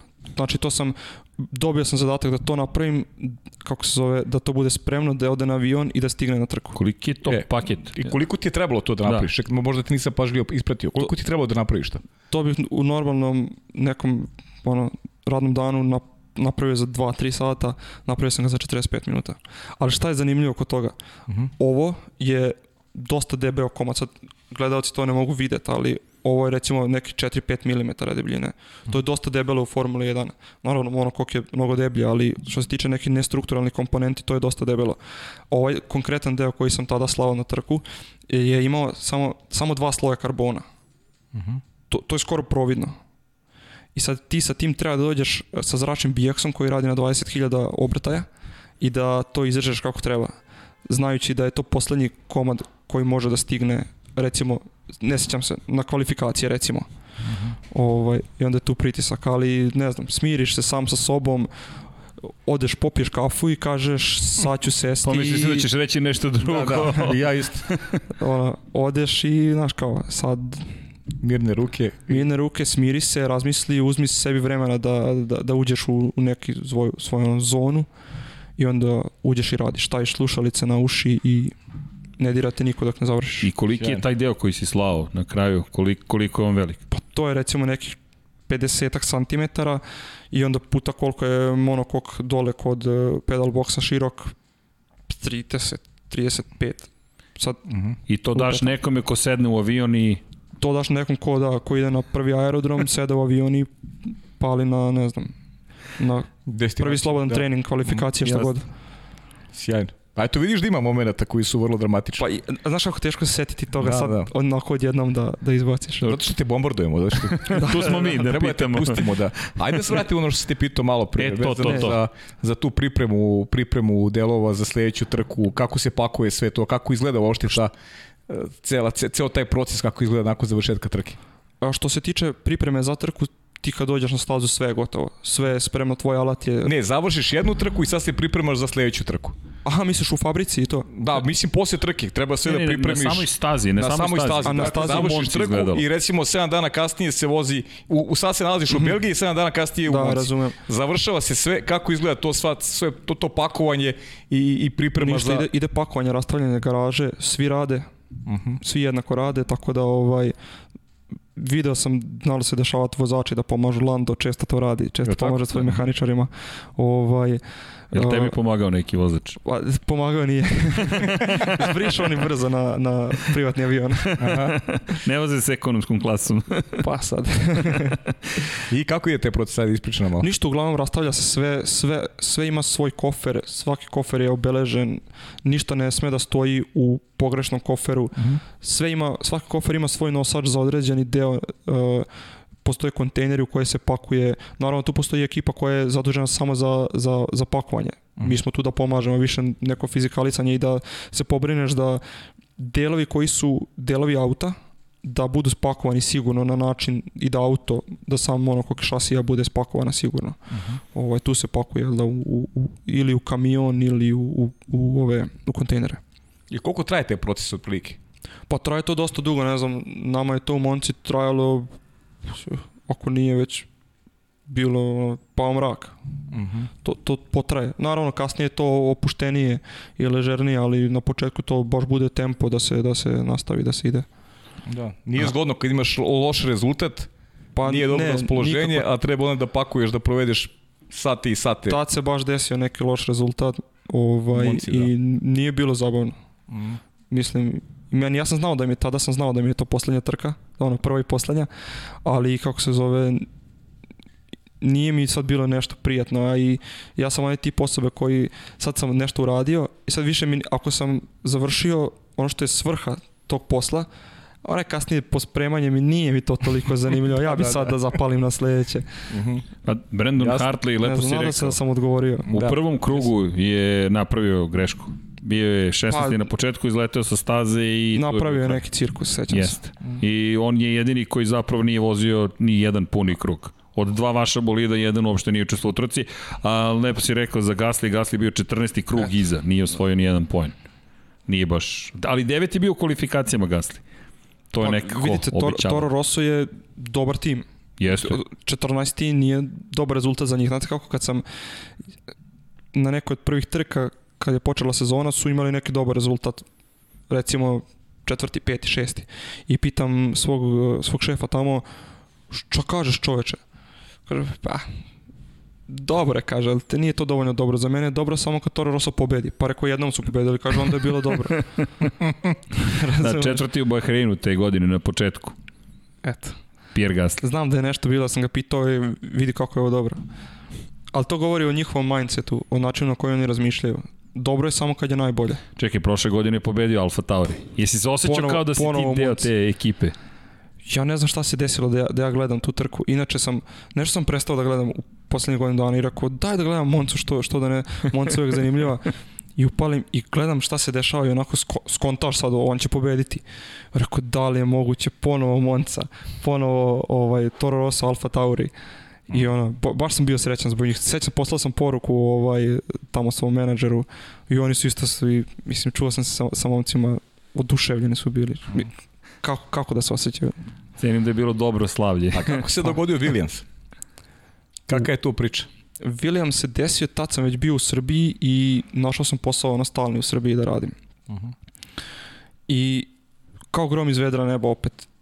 Nešto smo, flertovao sam sa tom idejom da odem u, Englesku u jednom trenutku, ali nije bilo sigurno da li će se desiti kada i u par navrata smo to nešto, sam razgovarao sa njima i tu sad nije bilo da oni mene neće, nego da se poklopi prilika kada ću da odem, kada će da odgovara i meni i njima, meni zbog nekih mojih obaveza, a njima zbog obima posla. I kao grom iz vedra neba me, me zove ovaj menadžer, ej, Williams, ali mora biti opet nešto. Sad zvuči kao ono, da ponavljam to svaki put, za dva, tri dana. Opet ruksak i to. Opet, petak popodne sam na poslu, 4-5 popodne, ostavljam sve na poslu, dajem otkaz i... Šefe, se... moram da izmem da radim za ekipu. Pa nismo imali baš prijatan razgovor. da. Nije bilo prijatno, pa dobro. Nije bilo prijatno. Ovaj, ali da, i tako se desio Williams. Otišao sam isto. To mi je bilo bilo je dosta, dosta teže nego, nego recimo ovaj Italija. Mhm. -huh. Zato što Toro Rosso te nekako dočekate lepo, ti dođeš tamo, oni te sačekaju te na aerodromu, pa te odvedu u hotel, pa ti ujutro dođu uh -huh. po tebe ili te, znaš, uvek nađu neko ko će sa to imaju dobar hospitality, dobri su domaćini. Mhm. -huh. Dok Englezi, na primjer, snađi se za smešta i čekamo te 7 ujutro. Ti dođi kako, kako ćeš ti, doći, ti to je dođi tvoj problem. kako da. znaš, to je tvoj problem. Mhm. -huh. Nema smeštaja u, u grovu super, ima ga okolo negde, snađi se. Tako da ono, to, Ima pub to je bilo. preko ono, puta. da. Ima pub preko puta fabrike. Da. Bukvalno spavaš u pubu. I to je Jeste, čuveni britanski moment, da. Jeste. Tako da ono, Kako je išlo to? Ta priča. pa ništa, opet na, na avion, opet onaj famozni ruksak i, i ovaj, odlazak tamo. Imao sam sreće, tamo sam našao uh, dobrog domaćina, starija jedna žena je ovaj, bila domaćin i imao sam sreće, kuvala mi je svaki dan, po, puno mi je pomogla da, da, da se osetim kao kod kuće tamo u Engleskoj. Ali ništa, došao sam, e, to je bio neki peh kad sam došao, uh, menadžer mi često zahtevaju Formula 1 timovi od uh, svojih mehaničara da ponesu svoj alat. Uh -huh. A, to nije slučaj u Toro Rossu, ali je slučaj u Williamsu, što ja nisam znao. A, njima je bila gužva sa ljudima, menadžeru je bila gužva da nekog, nekog nađe i ta informacija se izgubila u prevodu. Uh -huh. O, ovaj, tako da sam se ja pojavio bez svog alata u, u, u Engleskoj, što je bilo frustrirajuće sigurno prvih nedelju dana dok nisam malo upoznao ljude, dok nisam našao neko ko će da mi, da mi pozajmi alat da koristim, dok nisam upoznao fabriku, to je bio dosta stresan neki period, ali na kraju sreće našao sam čovjeka koji mi je mnogo pomogao kod toga. A izvini da te pitam, šta podrazumeva tvoj alat? Šta sve bi to ti poneo sa sto, šta je trebalo da poneseš sa sobom u jednu ekipu Williamsa u ovom slučaju? Pa to je uglavnom neki ručni alat koji, koji imamo u svakoj automehaničarskoj radionici, plus bih dodao taj uh, zračni bijaks, uh, precizan pencil grinder, pencil grinder se zove, ovaj, i ti neki nastavci koje ja nažalost tada nisam ni imao, a nisam ni znao da ih treba da ponesem. Ima tu svega, tu se koristi od uh, koristi se izvinjam se normalan alat ključevi, šrafcigeri, čekić, koristi se dleto, koristi se sve što vidimo u nekoj normalnoj radionici, sve što ti padne na pamet, sve što ti može pomoći da dođeš do proizvoda koji ti želiš, smeš da koristiš, nema, nije to Nije nego mi je fascinantno, ideš u tim Formula 1, sofisticiranu jednu ekipu, ideš u tim koji je osvajao titule, ideš u Grove, ideš tamo gde su Sir Frank Williams i Sir Patrick Head napravili istoriju i neko ti kaže, ok, ponesi svoj dleto. samo ekipa iz race tima i samo ekipa koja tamo radi na, na stalni ugovor mora da, može, im- ima, kako se zove, Williamsov alat. Na primjer, situacija u Williamsu je tada bila, nismo dobili majice, nismo dobili radnu uniformu, ništa. Dobro, možda je to govorilo o To tome je- šta to- se to događa govori u o tome Williamsu. šta se već dešava u je, Williamsu. tako je. Da, u tom trenutku. Međutim, Williams, sjajna fabrika za ljude je, pa ono što smo pričali, ti vodiš kao neki svoj dnevnik rada, koliko si sati proveo, gde, šta si radio. Da, to radiš u, u ovome, u Williamsu. U Toro Rosso čitaš svoju karticu, on zna tačno u minuti i sekund kad si došao, skine ti svaku pauzu. A u Williamsu, ja završio radnu nedelju, rekao, kome da predam ovaj radnu listu? Kaže, šef, meni je rekao, a nisam se nigde otkucao ove nedelje, rekao, sledeće nedelje ću se ja otkucati svakako. Kaže, ma ne, kao, Pa rekao, dobro, šta ko to proverava? Pa to ti je na poverenje ovde. Uh -huh. I sad, mislim, normalno, je, ne možeš ti njih mnogo slagati, ali siguran sam da ima ljudi koji su to pokušali.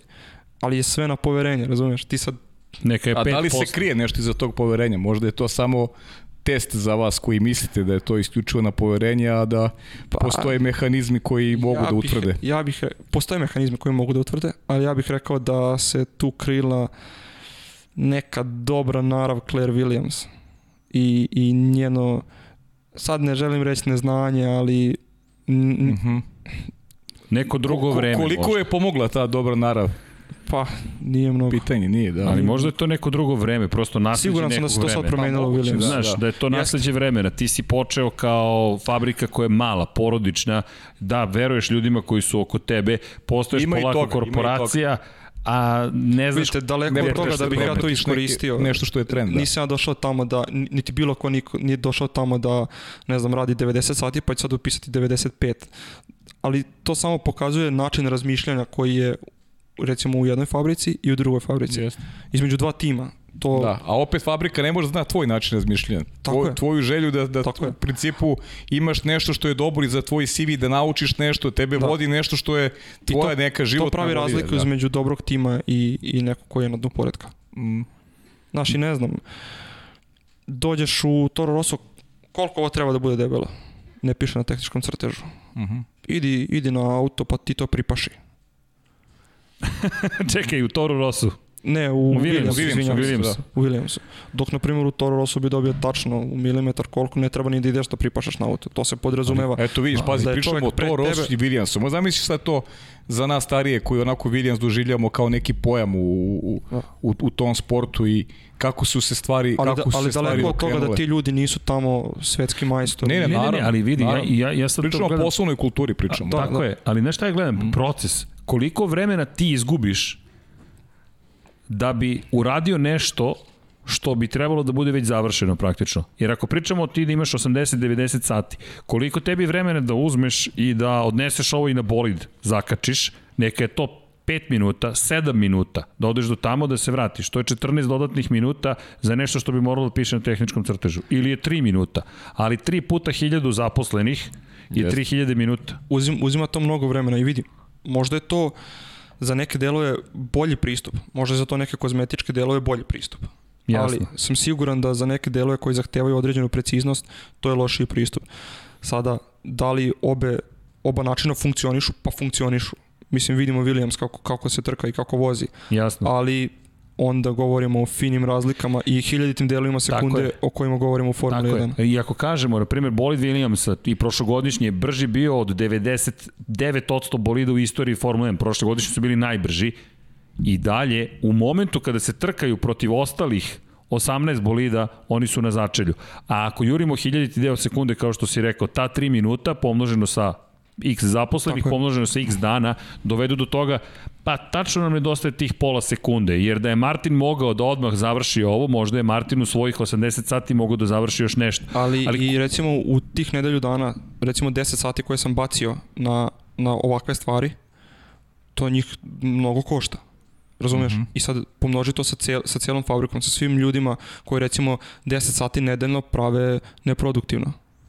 Jasno. Ko, koji je to novac u pitanju? Ogroman novac, a ti inače nemaš dovoljno sredstava. Da. I, a izvini, čija je, koja- čija je odgovornost od je to tehničkog direktora, ko je zadužen za taj deo, ko organizuje te timove? To jest, da li tu postoji razlika u organizacijonoj strukturi između Toro Rossi i Williamsa ukoliko smeš da nam otkriš? Pa ono što ja znam, ovaj, u Williamsu imaju ljudi, znači svaki, eh, svaki šef eh, radionice, Jasno? departmenta ima, ima svoju autonomiju i on može da odre, o, o, odluči kako se radi kod njega. Naravno, ako on, on ispunjava određene kriterijume, oni mu to dozvoljavaju. Uh, u Toro Rossu nema uh, tog, uh, te autonomije na, na, na dnu, recimo. Jasno? Uh, postoje uh, ti neki projekt menadžeri koji odlučuju mnoge stvari, ali ima i tu mnogo grešaka. Na primjer, mnogo grešaka sam video u Toro Rossu koje se dešavaju baš zbog toga što te neke ključne figure, ključne ličnosti nije njihova greša što nisu toliko uh, ono u, u prizemlju, ali je problem je u tome što oni ni ne mogu, njima to njihovo vreme ne dozvoljava i onda nisu dovoljno u kontaktu sa problemima na svakodnevnom nivou. Tako da treba naći kompromis između ta dva. Mhm. Meni se svidao mi se jako i način Williamsa na koji radi i način Toro Rosso lagao bih sa kad bih rekao da mi negde nije bilo dobro i da mi se negde nije svidalo. Samo su dva različita spektruma, dva različita tima u potpunosti. Uh -huh. Dobro, možda ti malo, više ti malo legao taj, taj možda i nam i bliži negde taj, pa- taj proces koji se odvija u Toro Rossu, ono što si rekao i hospitality i sve ono što ljudi rade. Pa to je ono, ono kako zamislimo da si, Formula 1. Da ti očekaš da se i ti osjećaš dobro u tom sistemu i da ti da. negde na taj način bude olakša i ono što se zove proces, neki radni proces koji ti imaš u, u celoj priči. Pa da, slažem se. To je neka, nešto što mi očekujemo zapravo od Formula 1 kad odlazimo tamo. Da. Pa to je, mi svi što očekujemo kad gledamo Formula 1, to gledamo kao da je savršen model u svemu, poslovanju, da su to najbolji ljudi, da je to nešto što je onako neka ona posebna dimenzija kada govorimo o, i ne samo o mehanici, nego o svemu onome što prati, što prati Formula 1. Da, da, da, pa jeste. A, da te pitam, nismo pričali o vozačima. E, bravo, da. Vozači. To je dobra tema. Da li si ih sretao tokom tvog rada u ekipi da. Williamsa ili u ekipi Toro Rossa? Jesam, jesam i u Williamsu i u Toro Rossu. Ovaj. Uh, u Toro Rossu sam dosta vremena proveo sa Gaslijem. Ovo, Kada kažeš proveo sa njime, šta to tačno znači? Pa ne znam, na primjer, radio sam u seat fitting. I mm. morate da budete tu, jedan sa drugim razgovarate. Da, od, od, od njegovih povratnih informacija zavisi to kako će on njemu napraviti taj, to, taj njegov sic. Mm -hmm. A od tog sica zavisi da li će njega, ne znam, žuljati, mm -hmm. recimo, ono, kuk, razumete? Jasno. Tako da tu ja. mnogo vremena smo proveli zajedno oko toga. Uh, Hartleyu sam podešavao neke delove na, na, na volanu da mu odgovara njegove ergonomiji uh mhm. -huh. ove ruke. Tako da sam i sa njim proveo malo vremena, ali ne, ne baš toliko mnogo uh mhm. -huh. kao sa, sa Gaslijem. Uh, a na primjer sa Russellom sam doručkovao nekoliko puta. Ra Russell je vrh lik. Da. Je tako, a? Pa tako da. i deluje. Mislim, tako je to i, i u Williams i Toro Rosso. Jedna je, jedan je restoran. Kantina je jedna. Da. Ko gde se Zanimljivo. Jel ti Russell onako najjači ti se? Kad priča onako Pa da, Russell mi je nekako na zemlji, ne, da li zbog možda godina slični smo, on je dosta mlađi od mene, uh mhm. -huh. možda četiri godine. Pa on ima 21 sada, je li da? Pa, nije Pažljivo sa tim šta je dosta mlađi. Pazi, pa, to su relativni da. pojmovi Martine, pogotovo da, u ovom studiju. Sediš da. ovde sa nama. da, se, da se ispravimo odmah. Ti si dosta stariji od nas dvojica i tako da. da. ovaj, tako da sa Russellom sam ovaj, dosta vremena probao, on je super lik, on je baš zanimljiv, on bi se ovde smejao sa nama. Da. Kad se opusti, kad, kad nema ljudi oko njega koji ga gledaju, kad nema onih dosadnih uh, uh, da reći dosadnih ljudi, onih ljudi koji paze na njegovo ponašanje, koji su tu da mu svaki minut isplaniraju, on je zanimljivo opuštenje, nekako, ne znam, najbliži mi je običnom čoveku. Uh -huh. da. A imao sam priliku da upoznam i Fetela i Kimija. I? Ovaj, na, na trci u Monci. Pa ne, ono, hladno, klasično njihovo. Mislim, Fetel je topliji naravno od Kimija i ali, to nije teško. Da. Ali, da, da, nije teško. Ali ne čini mi se kao neki ljudi koje želim preterano nekog druženja sa ljudima koje, koje ne poznaju. Imaju, imaju svoju imaju neki, da, agendu, mhm. rade šta moraju, znaju, naravno ispuštuju tvoje vreme, to što ti želiš da se upoznaš sa njima, ali fokusirani su, su na sebe i na svoj cilj. Uh mhm. -huh. Da, ali dobro, to su ljudi pa, pod ogromnim pritiskom, pa, to su dobro, svetski naravno, šampioni, velike je. zvezde i Dani mi jeste drugačiji verovatno pogled prema njima, tako drugačiji je pogled prema njima i A jesi razmišljao o tome u koji bi tim voleo da se prebaciš? Da li si konkurisao za, ne znam, McLaren, Ferrari? Za koga navijaš? Čekaj, nismo te pitali. Da ili imaš, ili možeš da nam kažeš? Pa mogu, naravno. Pa navijam sada za Toro Rosso kao i uvek. To drag to. mi je sada i Williams, uvek mi je bio drag. Ali za Red Bull sam uvek navijao to nije tajna. Ok, pa tebi je baš bilo lepo onda, Toro da, Rosso. Da, to je baš bilo ono ostvarenje nekog sna. Za Red Bull sam navijao, uh, ali sam imao, na primjer, pregovore nedavno, ne nedavno, pre odlaska u Williams, meseci i po dana sam imao ozbiljne pregovore sa Ferrarijem i to je ono trajalo nedelju dana, to je baš bilo. Skoro sam otišao. Ovaj, pre mesec dana sam, mesec i po dana sam, 5. januara sam imao ponudu od Renaulta. Sada? Da. Alpine? Da, da, da. I? A, pa nisam otišao. Dve nedelje karantin kad odeš tamo. Uh mhm. -huh. Cirkus. Ma Martine, moramo tu ubacimo tamo. Pa Čekaj, do, Martin, ovde da. vidi nas svi. Znaš, ti treba da odeš u, u neku tuđu državu, sediš dve nedelje u hotelskoj sobi. Mm. I sad koliko god da se meni možda ide, imam i, i, i neki drugi život sada ovde koji pokušavam da postavim na noge. Čekaj, ti imaš svoj YouTube kanal, je li tako? Da, imam neki svoj YouTube kanal koji valjda jednog dana Pro, će, promovisat ćemo Do, ga. hoćemo, će naravno. proraditi kako treba. Dobro, E, studiraš ovde, sad, sad pa- studiraš. Studiram, imam verenicu, pokušavam da, da, da situiram život ovde na način da je ovde stabilno, pa sad ako ću u jednom trenutku negde i otići na par meseci, bit će to iz svog zadovoljstva nekog, ali kako se zove, trudim se, Devojka Da koja je pobedila Formulu 1. Da, da, Nadam se da prati. taj, taj evo. veliki, taj ozbiljan, Evo, on je pazi, ozbiljan pobednik. Pazi, ovde je javno priznao ko ima prioritet u životu. Da, da Formula 1 ili, ili verenica. pa dobro, to svi znamo, ovaj, Da. da se ne lažemo, jel da? Dobro, i treba tako sve. Neka, neka, poštujemo, podržavamo, samo I konstatujemo. treba da te vodi neki ovaj neki tvoj neki neki ovaj mir, neki tvoj neka želja, Pa da, mislim da je na kraju krajeva to bitno. Uvek imaš vremena, imaćeš vremena uvek da napraviš ovakvu vrstu izleta kao što si pravio i do sada. Ti si Zna- sad već neko koga i oni poznaju, taj sve te Da. poznaje, č- čim te zovu i Ferrari Da. i Renault, oni Pa, svi znaju znaš za kako, tebe. to je dosta, dosta je težak posao. Ne mislim to fizički, psihički je težak posao, zahteva mnogo tvog vremena. Ti, ja sam godine proveo bukvalno sam, bez, bez ikoga u onu u napolju, sad ne kukam ja naprotiv, ali to ono, napravi neki ožiljak na čoveku i ti onda zapravo želiš malo da uđeš u zajednicu, da to je posao koji se radi dok si mlad. Redko ko to radi nakon 30. Mhm. Redko ko. Ma dobro, Martine, ti još nisi došao do 30, ali dobro. Da. Sviđa mi se kako postavljaš, kakve, kakve prioritete postavljaš u životu.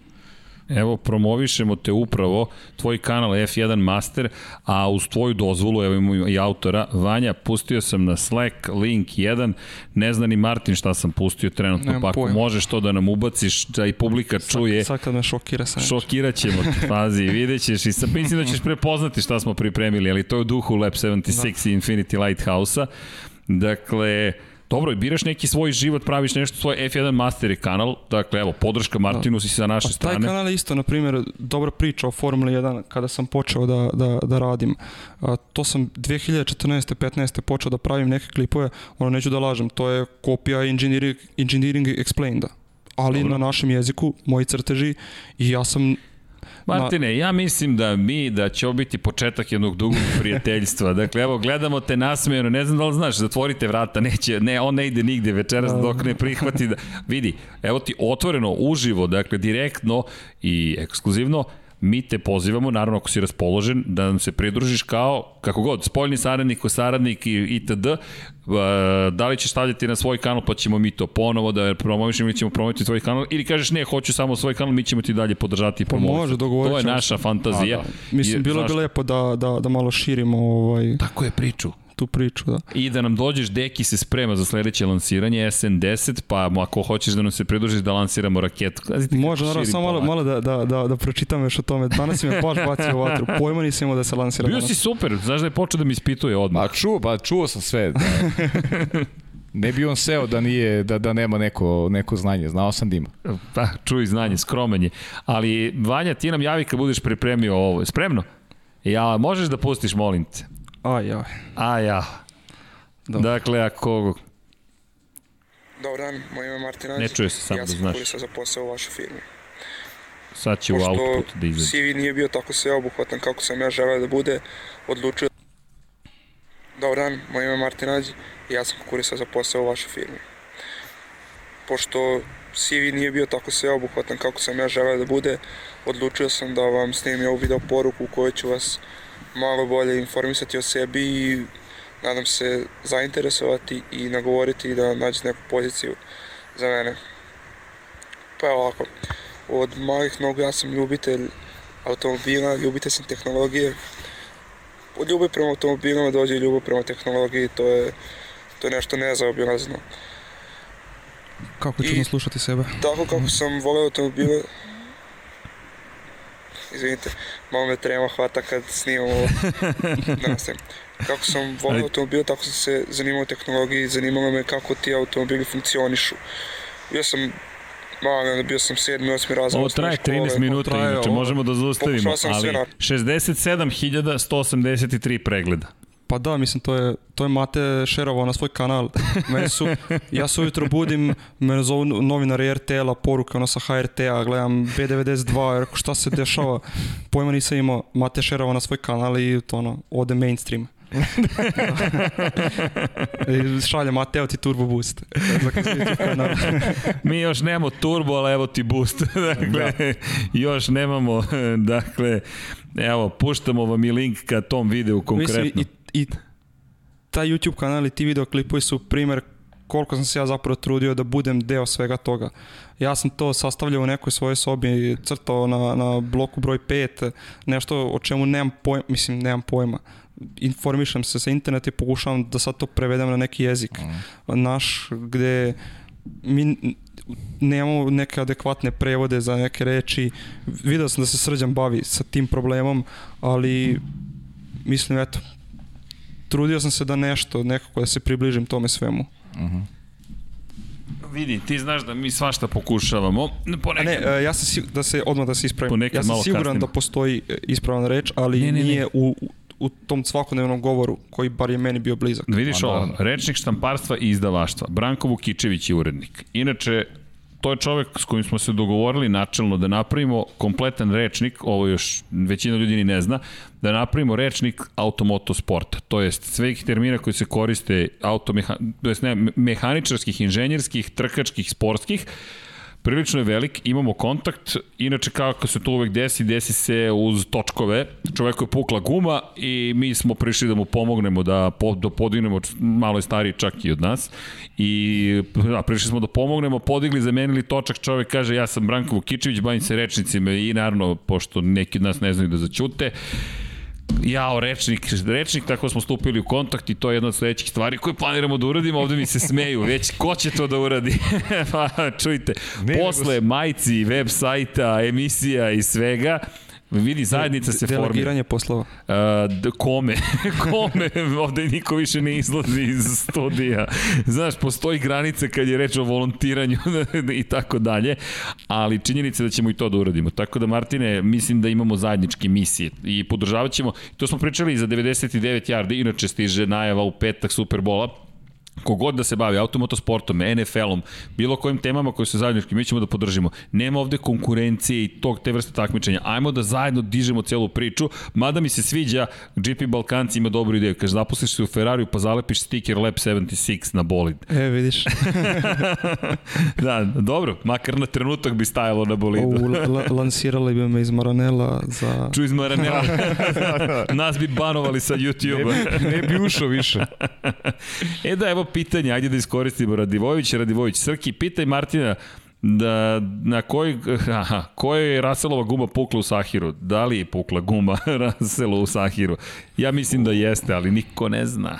Pa ne znam, to je dobro pitanje, sad govorimo... Morat ćemo o... da uradimo analizu. Vidi, uh, Mercedes je prvo najavio predstavljanje bolida, vozača još nije najavio. Da, vozači još nije... Evo i tokom, tokom podcasta je bila priča o tome da i na Instagramu Russell pokazivao novi simulator i na da mu je pozadini Mercedesov znak, nije Williamsov znak. Tako da... A dobro, Mislim da je to, to je dobra sad- priča samo. Da. Da je to dobra. Mercedesov simulator je u Williamsu, tako da... Eto, eto iz prve ruke, sve je u redu. Ovaj. E, imamo, izvini, samo da iskoristimo, da Ali, iskoristimo, mo, vidi, Molim te. moguće da, da ima neka priča o svemu tome. Ko zna, ko zna. Doći ćemo i do pitanja i, i do odgovora. E, ima ih stvarno, ima, ima ih puno. Ima ih puno, da. Imamo i vesti mi da iz zanemarimo. Formule 1. Pa znam, ali Ima kako ćemo, svega. kako ćemo kad imamo ovako gosta? Ne znam, držimo se gosta, ali na kraju zajedno sva trojica prokomentarišemo Možemo, nove da, vesti. tako može je. tako? Može, može. Ali imamo, dok krenemo sa pitanjima gledalaca, Ajde. ima, imam još par pitanja. Uh, u Williamsu, jedna od stvari koje smo imali prilike da vidimo jeste Senin bolid. I to onaj čuveni bolid, ne naravno onaj nažalost u kojem je stradao, već onaj drugi bolid. Mm -hmm. On stoji sakriven tamo u, mo, u šumi. Znam da smo se, do, da si mi slao fotografije da, kada sam bio u Williamsu muzeju, da si mi poslao, "Ej, vidi gde sam, smeo sam se, jer je nevjerojatan taj osjećaj, znaš o čemu neko govori, ali ti deluje i dalje nekako nestvarno. Da. Jesi, jesi imao prilike da pro, naravno verujem da jesi imao prilike, ali jesi ulazio u onaj deo gde popravljaju stare bolide i pripremaju ih za privatne E, vlasnike? nisam bio u Heritage-u. Nisi bio? Nisam bio u Heritage-u, ali poslao sam neke fotke tu. Ovaj, Imamo fotke iz Da. Williamsa, pa i iz Toro Rossa. Bio si u Williamsu, video si vjerojatno kako im izgleda radionica. Da, da. I kako imaju gore onu kao neku bukvalno nastresnicu, što bi kod nas Jeste. rekli, i na tome su naslagani jedan na drugi istorijski auto. Bukvalno stoje, Znači, ne jedan na znaju drugom gde će sa stoje. njima. Evo, pogledajte ovo. Ispod, ispod, ispod ovoga se nalazi uh, radionica na kom se sklapaju automobili za, za trke. Bukvalno. Ako se pitate ko je sponsor bio PDVSA, čuvenja priča, Da. tu, poslednji tu- pobednički bolid. Mislim, evo, Williams, tu vidi se u da. ćošku uh, bolid, da li je, da li je ono Masim bolid? Nisam siguran. Moguće, ovo je iz BMW ere, ovo ovde je Pastor Maldonado, ekipa, ali Ma, ima još tu fotografiju. ovde, ovde gore šta ima, to je nevjerovatno. Kakva istorija. To znači ko se popne gore može da, da, da ostane satima. I što što je najbolje, sklopljeni su u potpunosti, znači to je auto, pa ne znam da li bi ga mogao upaliti, ali su sigurno sve komponente tu. bizarno kako to izgleda. Inače, meni je bilo bizarno kada smo bili u muzeju, Rocket je glavni sponsor, a ovaj bolid stoji u foajeu sa Martinijevim sponzorstvom. Da. I, I sad ulaze predstavnici Rokita koji su nam je otvorili vrata. Inače, u pozadini je prvi Williamsov bolid i jedan od vlasnika Rokita je zapravo bio mehaničar. Imate Saudijsku Arabiju kao sponzora, to je čuvena priča o, o sponzorstvima. I to stoji i stoji Martinijev Williams na ulazu, ne stoji Rokitov. I, i sad, pa čekajte, kom je sada glavni sponsor? Kako sad ovo? Da, apropo tvoje Ko, priče. kome je bilo neprijatno? Kome je bilo neprijatno. A mi smo gosti Rokita i ulazimo i evo izvolite u foje. Mi treba da snimimo ulaznu sekvencu. Inače tamo pozadi se nazire Keke Rosberg. To je ulaz u muzej. Ja se nadam da ćemo mi u skoro emitovati na sport klubu zapravo priču o muzeju Williamsovom. Imate tu čuvenu kacigu sa rupom za cigaretu u Keke mm -hmm. Rosberga. Da, da bi mogao da puši cigarete, a da ne skida kacigu probušena ovako rupa. Bukvalno je izbušena da Keke Ma ne, šta, šta u Williamsu živeo. možeš videti? To je neverovatno. Cijela fabrika je sast... to je vremenom raslo i preuzimala se hala do hale i skladište gde god pogledaš. Svaki, u svakom ćošku nešto skladišteno. Znači, kakve sam si, siceve pronalazio iz, iz ono 2000. godina pa mislim da sam možda poslali snimak nekog eh, volana, mislim da je to iz 2016. 17. sam skinuo volan pa ono čačkaš, mo- možeš bukvalno da, da, da uzmeš sve u ruku što god hoćeš, da, da vidiš kako to izgleda, niko ti ništa neće reći, na primjer u, u Toro Rossu odlepili bi da ti skineš volan sa, sa nekog bolida i kao, daj da vidim kako to izgleda. Mm. Znaš, neko će ti reći, ti si normalno to košta 150.000 evra. Ovde ti što god hoćeš. Tako da, za nekog ljubitelja Formule 1, Williams fabrika je vrh. Da, da. Sad ćemo da donesemo delove ako se ako ih nađemo. Imamo mi tu neke zupčanike i da vidimo od, iz Williamsa ako ih nađemo. Malo smo sređivali studiju pa su nam se pogubili delovi. Tako ko Williams smo. A prošli put smo nešto, ovaj, smo gledali baš te zupčanike. Tako je, tako mislim, je, te da, da. zupčanike smo gledali. I, i Da, onu kad bio. maticu smo... Jeste, i matica je bila tu za, sama, za, za sam točak. Zanimljivo je svaki ljudi vide matica ima samo tri navoja. Da. Inače, Antički mrav pita kako si ti došao do njih da radiš. Moraš da gledaš Antički mrave od početka, imamo celu priču kako je stigao. Da. Pogledaj i ovaj video koji smo ostavili, kako je uspeo da dobije posao kod gospodina Rimca, pa otišao dalje. To, mi, to jeste jedna od svrha ovoga podcasta.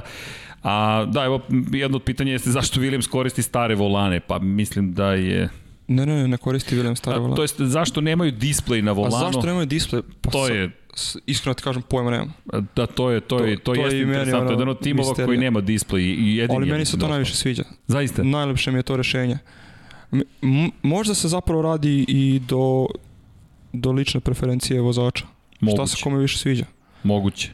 Moguće. Ima puno pitanja, doći ćemo na njih. Pa jo, imamo mi još pitanja. Mislim, na, Pa, da imamo mislim, pitanja imamo, koliko ja, god znaš hoćeš. kako, plašim se samo da imamo Pobeći dosta se. pitanja. Da, da, Ajmo ne mi ništa, lagano lagano, da pa vidi. ide. Ovo ti je prvo, prvo gostovanje. Mislim da će ih biti i još.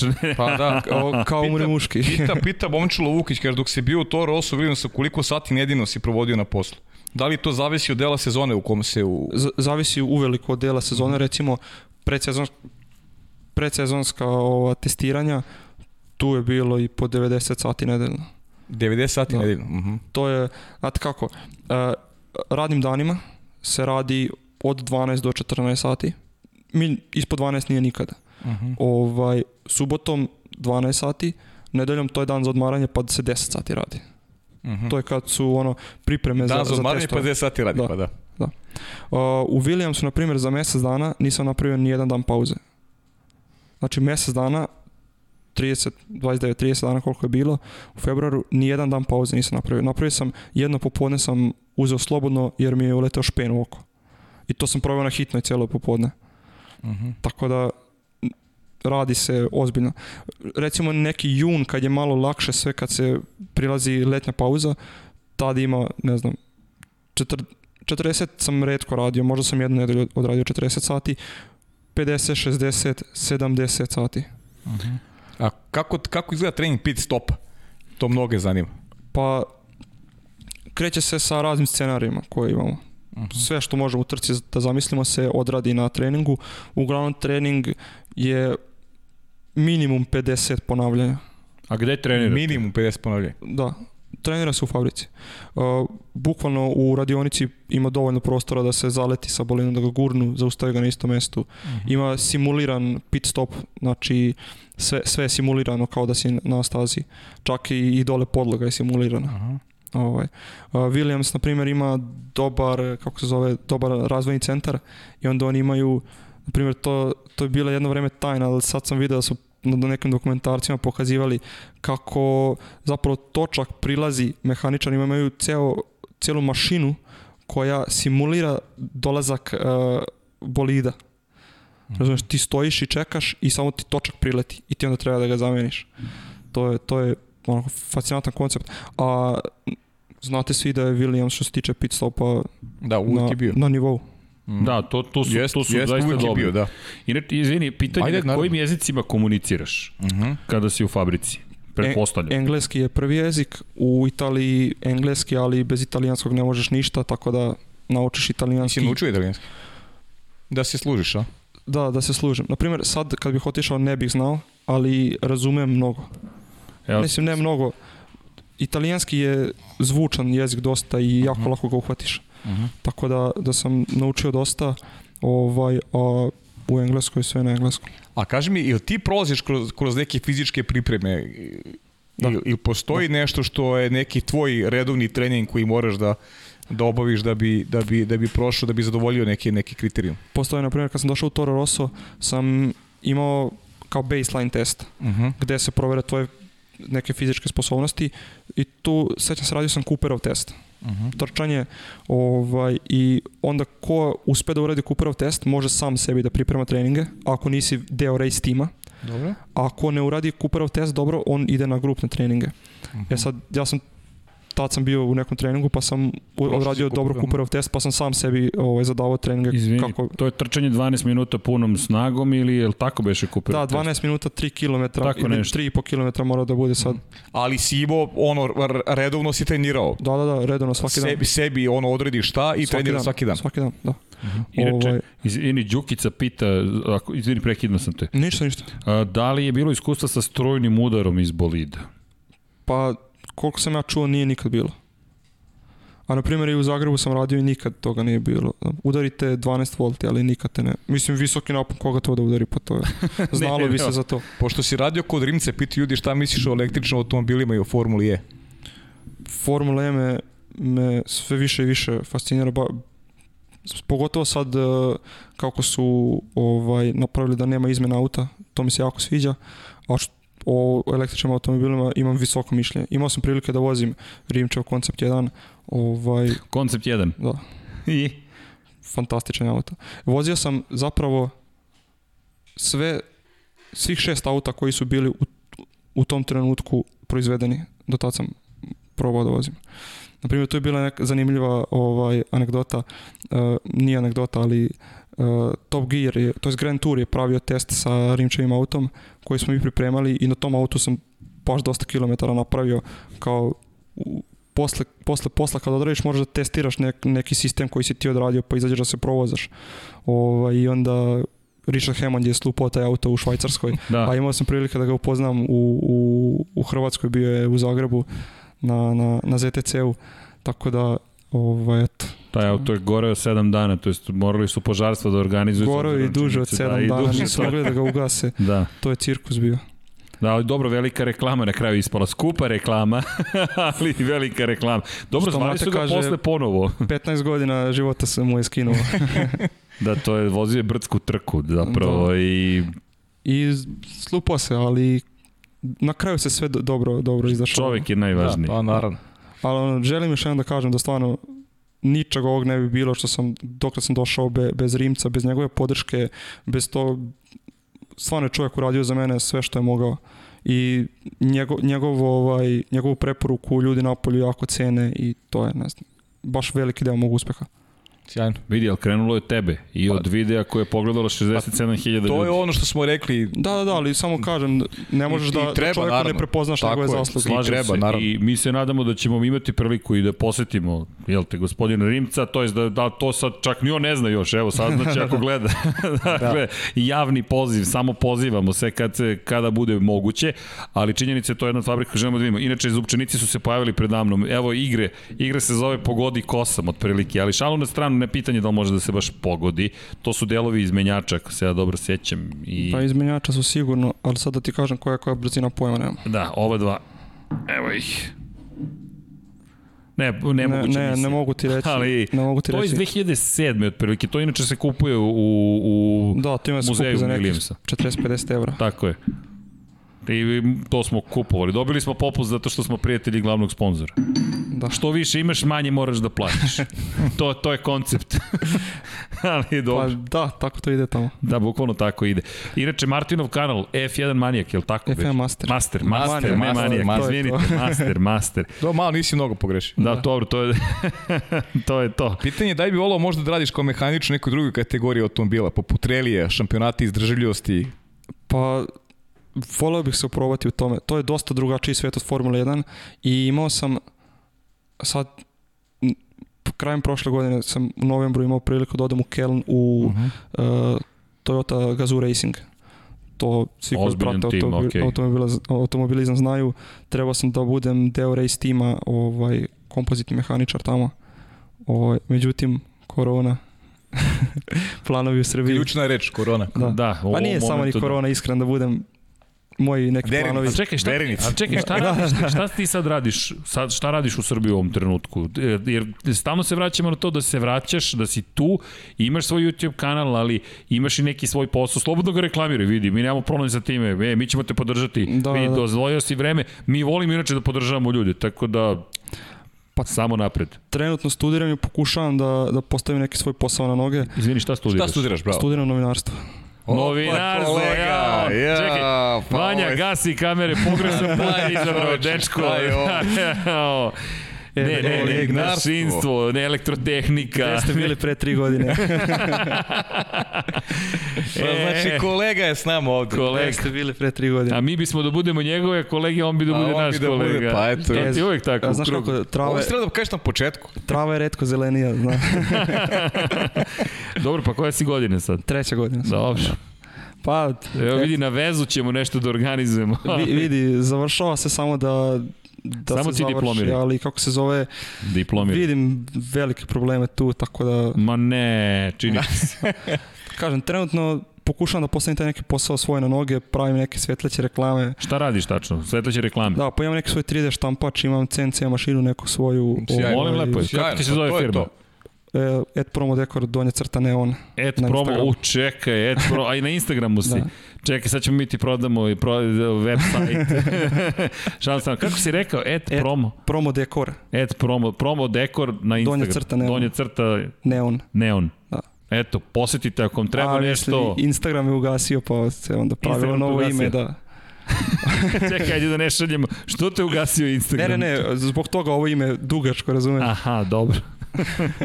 da, inače, spomenju da si ti Paja Clarkson, a ja sam srpski Richard Hammond. Ne znam da li je to dobro ili loše. Pa, kako god. A Paja kaže ne, Paja je James May. Ne, ti si sada James May. voliš James da May. kuvaš. Ako voliš da kuvaš, eto, James May. Pa, volim. ok. I dobro, ti si da sada tu, ali ko zna, ako se otvori neka prilika, možda te ponovo vidimo. Pa, sve, sve je rekao, zavisi od mnogo stvari. Da. Da. Zavisi od mnogo stvari koje moraju da se poklope, tako da vidjet ćemo. Dobro, inače pitanje, kakve su bile reakcije mehaničara ili vaših nadređenih kada nešto ne uradite kako treba? Pa nema tu nekih loših reakcija. Uglavnom su to ljudi koji se već poznaju neko vreme i ti ako u startu kada dođeš na napraviš mnogo nekih grešaka velikih, oni te procenete kao osobu, procenete kao majstora, mehaničara i onda znaju što od tebe da očekivaju. Tako da kad se desi neka greška, uglavnom te, to dočekaju sa razumevanjem, jer vidite, na tom nivou se ni ne radi tako da ti sad napraviš neku grešku iz gluposti. Desi se iz umora, desi se nekad iz nepažnje, ali nikad se ne desi iz gluposti zato što si ti sad nemaran. Ne bahat praktično, Da. toga nema. Toga nema. Pa dobro, zato i paze koga Ima, angažuju. ima, ima, ali to je onda ima, kraj. ali ti ljudi odu jako brzo. Gle- Gledao sam čovjeka koji je, kako se zove, prodao kuću u Engleskoj da bi došao u Toro Rosso da radi, koji je drugi dan dobio otkaz. Došao i dobio otkaz. Čovjek je plakao bukvalno. Nema, napravio dve greške, treća greška ga je sačekala sa, sa povratnom kartom. Da, da. Dobro, tu nema mnogo prostora za, za, za Jasno. grešku. Nema, nema. Mislim, A realno. čovjek koji dobro radi može da napravi tri greške, nije u tome problem. Stvar je da ti naučiš i da, i da sa nekim stavom pogrešiš. Ili da praviš nove greške. Mislim, Da praviš nove greške, naravno. Nije pro... Ok, ideš dalje, ja, sam, ja sam napravio u Toro Rosso u grešku, E. mislio sam, To je pitanje. evo, Pazariću otkaz sada, Šta si uradio ako nije tajna?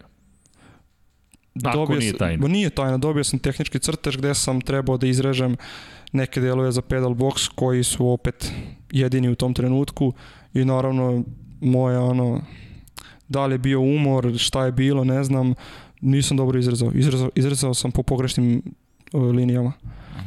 I ništa, izrezao sam bukvalno tri po, poslednja dela koje su bila, svaki sam izrezao pogrešno. I imao sam sreću tu što uh, čovek, uh, Giuseppe se zove, koji mi je bio nadređeni, je video kako radim i video je da, da ne pravim greške iz gluposti, video je da mi se desio ljudska greška neka. Da. I tu me on malo Nije me bilo, zaštitio. nije neznanje, nego Nije neznanje, nego pad koncentracije. Prosto. pa, verovatno. Ne, ne, ni sam ne znam da kažem šta mi je bilo, ali malo me on tu zaštitio, malo je tim nekim nadređenim ljudima koji su na nekoj višoj poziciji od njega objasnio da majka mu šest dešava se i, i, i najboljima, a ne nekom ko je tek došao. Tako da, bilo je, bilo je svakako. Imaš ovde pozdrav i pitanje, pošto si sa Gaslijem napravio neki odnos, kaže kako vidiš čitav scenariju sa Gaslijem, odlazak u Red Bull i povratak u Toro Rosso? Pa, ja mislim to je onako hladnokrvno od Red Bulla, ali normalno to je problem sa njihovim uh, kako se zove program mladih vozača koji trenutno nemaju dovoljno, onda prerano dovode ljude u Red Bull. To je činjenica da ih prerano dovode u Red Bull, ne skupe uopšte iskustva. Gasly je baš, baš je rano otišao u Red Bull. Ovaj, ali mislim da ga nećemo više gledati u, u, u glavnom timu. U Red Bull. Da. A šta misliš da ga čeka u budućnosti? Pa mislim da ga čeka kao što je bilo, spekulisalo se Renault, a ne znam, možda ga dočeka i taj uh, raskid ugovore sa, sa, sa Red Bullom, ali na onaj dobar način kao što je imao Carlos Sainz. Da, inače, Pa nađe svoj put. Čuo Mislim, to je zanimljiva priča. da, to je to jeste. Čuo si da je, ima COVID-19, nažalost. Jeste, Šesti vozač Formule 1 koji se Mislim, ja mu želim da, da napravi dobru karijeru i sigurno je dobar vozač. Ali mi, mislim da ga Red Bull više neće primiti. Ima, ima, vidite, uzeo bi ga sada, ne bi uzeo Pereza. Da, kako ti je to viđenje stvari, Perez? Pa Perez je dobar vozač, treba im neko ovaj, ko će davati rezultate iz nedelje u nedelju. Zaslužuje neku svoju šansu. Mhm. A na kraju krajeva verovatno i, i onaj koncept pay drivera došao verovatno i u Red Bull sada. Znate kako, nemaju, for, mislim da Gasly još uvijek nije formiran dovoljno za Red Bull. Da mora još da, da se formira za Red Bull, a pošto, mislim ja sad to nagađam, pošto već nemamo neku opciju koja je, jel da stasala za Red Bull, pa što ne bi uzeli neko ko je dobar, a usput siguran sam da, da će ovaj, njegovi sponzori preći sa njim i u Red Bull. A izvini, sada se dotičemo i teme. Ima jedno od pitanja i tvoje mišljenje zapravo o doktoru Helmutu Marku kao čoveku koji de facto bira na kraju ko će biti u bolidu, ali m, pitanje mi je više vezano za Franca Tosta. Jesi imao prilike da upoznaš šefa Yes, Toro yes. I kakav je Franc Franc, legenda. Franc je onaj običan tip, Franc, ne znam, mi idemo nas petoro na posao, on se vozi sa pasatom uh, karavanom i pada kiša i on stane, ajmo upadajte svi u auto. Svi, svih petoro, svih petoro. i onda se trpaš u auto kako znaš i umeš. Sa šefom cele fabrike, Sa šefom cele fabrike. Na, na ono naše opšte za prepašćenje. Franz Tost rekao, idemo. Razumeš? ono, mislim, to gledaš ga na TV-u. Hondin motor u bolidu, Volkswagen Pa i ja sam ovde. ušao, ja sam u možda peti, šesti dan u, u Toro Rosu, kad sam bio ušao mu u kancelariju i tražio da, da, da, da radim sa ovim, e, to isto to nisam spomenuo, Uh, ja sam primljen tamo komp, kao kompozit trimer, ra, znači radio sam na obradi karbona, ovaj, ali nisam radio kao mehaničar tada. Ovaj, ja sam otišao gore kod njih i rekao, ljudi, ja bi posle radnog vremena da dođem malo kod vas da gledam šta radite, pa ako mogu nešto da zašarafim, bilo bi super. I ja sam otišao kod njega u kancelariju, video sam da mu je sekretarica izašla napolje i pravac kod njega. Franc, jel može, samo im nemoj smetat. I tako je počelo to. sjajno, sjajno, vidiš. Ali dobro, ti si opet rekao imao da- inicijativu. Pa, može, opa, samo da, im nemoj imaš, smetat. pa to je najvažnije, imao si inicijativu stalno. Pa je, ali to, Pomagali to, to je su ti ljudi, to je normalno, ali ako, ako uvijek će ti neko pomoći ako imaš inicijativu. Jest. Pa ima Ako razloga da ti nemaš, pomogne. kako, kako će ti Prepoznaće to pomogne, neko, tako da. je. Ako ne pitaš kako da ti pomogne neko ako nisi pitao. Da, mora, moraš sam da, da grizaš mora. za sebe i za svoje prilike, Tako ništa je. te neće dočekati sad. Kao, ti zaslužuješ nešto. E, a pazi, ima ovde još neki pitanja interesantnih. Ok, ovo koliko je stresno raditi u, za Formula 1 tim, ali e, kaže, da li Rimac sarađuje s nekim timovima u Formuli 1 i je li neko od njegovih tehnologija prisutna u Formuli 1? Da li smeš da nam kažeš? Da. I okej okay, ako ne smeš. Tako je. Sve je u redu. Ne njegove tehnologije, ali recimo tehnologija iz Formule 1 se koriste kod njega, to znam. Mhm. A što je javno, što mogu da kažem je da sarađuje sa ovaj Red Bull Advanced Technologies. Mhm. Ovaj to je Red Bullova uh, odvojena firma koja se bavi samo razvojem tehnologija i razvojem prototipova, sa njima razvijaju auto ovaj te, Va- Valkyrie se zove Aston Martin Valkyrie. Da, to je... Ovaj, sa njima i sa Aston Martinom radi, tako da znam da su dugo bili u kontaktu sada To sa je Formulom Shadow 1. Adrian na New Year. Ja bih, evo što mogu reći, uh, pogledajte, evo svi koji ste blizu kompjutera, ukucajte na, na Google Robo Race ili na YouTube još bolje. Vidjet ćete potpuno autonomni auto koji, je, koji može da se trka sam. Razumete, machine learning, Jeste. uh, AI, AI. machine learning, tako je. Pa Yamaha je pre na primjer još... baterijski sistemi, pametni baterijski sistemi su izašli iz Rimca za to. I to izlaze već godinama. Da, pa tehnologija zapravo baterija je jedna od Da. važnih. Zapravo automobili su vrsta marketinga i reklame za robnu marku. S, svašta se dešava uh, iza zatvorenih vrata u Zagrebu. Da, to dobro, to je ono što svi negde vidjet ćemo jednog Mislim, dana. ono, uh, obratite pažnju na to šta rade. Često izbacuju neke hintove i baš je zanimljivo. Impresivni su. Zaista Imp- su impresivni. impresivni su. Ja ne, ne mogu ih dovoljno nahvaliti, ne mogu dovoljno lepih reči reći o, o, o, o toj firmi i tim ljudima koji tamo rade. E, da je jedno pitanje, Đukice, kako ti mišljenje, da li pratiš Mercedes AMG Project One? Pa pratio sam nešto, sad video sam da dosta kasne. Veliki problem ovaj motor koji je namenjen za Formula 1 prilagoditi nekoj cestovnoj upotrebi. Mislim, to treba da se ohladi, to treba da se spakuje u neki paket koji nije prevelik, koji nema prevelik aerodinamički otpor. Onda govorimo o malom prostoru unutra, zagrevanje, fuh, to je komplikovano. Jeste. Jesi upoznao Nika Rosberga, pitajte Dejan Andrić, kaže, Nisam. on je pa, pazario koncept tu, Ni- nisi? Nisam, nisam. Mhm. Znam da je, znam da je, da je pazario sad nedavno baš.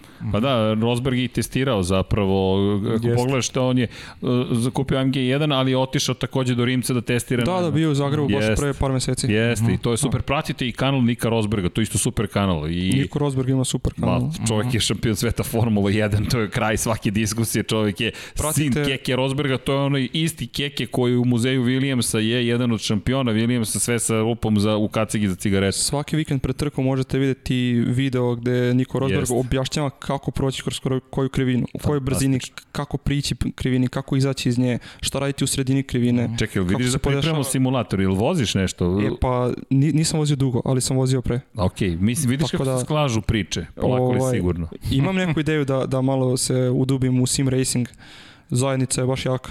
Vidi, mm bit će to, e, svašta pripremamo, samo da sve stignemo da uradimo. E, Ima nekoliko pitanja. Mišljenje ko ti je bolji, Leclerc ili Verstappen i šta misliš o Miku Schumacheru? Pa po meni je Verstappen bolji vozač. a sad da li je Leclerc naduvan ili nije, ne želim nikog da uredim, ali to vam je kao ono u boksu, razumete, imate šampiona koji više nije gladan, imate klinca koji je jako gladan uspeha i svega je gladan. I sad, pokazao se dobro protiv starog šampiona, ali ne, ne mogu da kažem kako bi izgledalo da, da, da njih dva ukrste Delim mišljenje tvoje, Da. apsolutno. E, vidi, jedno pitanje zanimljivo. Da li si ti jedini Balkanac koji je tamo radio ili radi? Pa koliko ja znam, jest, čuo sam da je bio jedan dečko u Engleskoj, ali on, koliko sam skonto, on je rođen u Engleskoj, ali sa, sa našeg govornog područja. Dobro, dakle ti si, ali evo, neka tvoja priča bude inspiracija, neka bude inspiracija, neka pokrene ljude. Mislim, Formula Student u, u, u Beogradu, nije to sad tako... Bili ne- su nam u posjeti. Znam, gledao sam. Ej, super. Ni- super je bio podcast, ali nije to sad više toliko nedostižno. Sad mi imamo Formula Student tim u Beogradu. Ljudi, ajmo Novi Sad da pokrenemo, Novi Sad da, da napravi, Hoćeš da... Pa možeš ti da to. pa ja bih rado. Ajde da Ja zovemo, rado, ali- pitaćemo i kolege sa Beogradskog univerziteta, ajmo da pokrenemo celu priču. Tu je CTF Mislim, vidite, kao fabrika, e, svašta se dešava. Test vozač Rimac automobila u Zagrebu je prvi pokrenuo o, Formula Student priču u Hrvatskoj.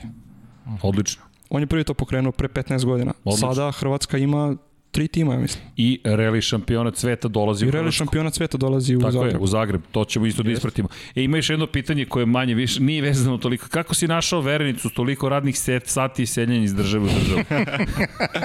vidi, legitimno pitanje, vidi, to su Da. te neki ljudski Ako, problemi. ako smeš, kaži. Poslao me tata na fakultet da se oženi. e, izvini, ima, ima još jedno Ima samo još, ajde, polako, Koliko je iz tvoje perspektive realan Drive to Survive Netflixov kada je u pitanju bio Williams? Da li si gledao prvo A, Drive podsjeti me, kad, gledao sam, ali samo podsjeti šta je bilo sa Williamsom. Moram ti predstaviti da se nija Da, više ne isto. sjećam te priče. Mislim da je bila priča o Claire Williams Do, dosta i je o tome realan, da će biti prvi koji će izaći na stazu u Barceloni. Da je Claire rekla posle fijaska 2019. prvi ćemo biti u 2020. na stazi. I bili su prvi. Prvi krug su odvezli u Barceloni. pa, okej, da, ali Ali, ne znam. Iskreno, meni se sviđa Drive to Survive. Uh, Formula 1 management bi mogao mnogo da nauči iz uh, njihove produkcijske ovaj, Netflixove kuće. da. Na primjer, kadrovi koje gledamo na Drive to Survive su mnogo ovaj, mnogo su nekako žustri, že, žešći su za gledanje, energičniji su. Kad gledaš Formula 1 na, na TV-u, izgleda sporo jako. To nije sporo, znate svi da nije sporo, mm bili ste na trci. Ali na Drive to Survive to izgleda, to su varnice, to leti, to je točak do točka, to je... Meni je, na primjer, mnogo kadrovi su mi lepši.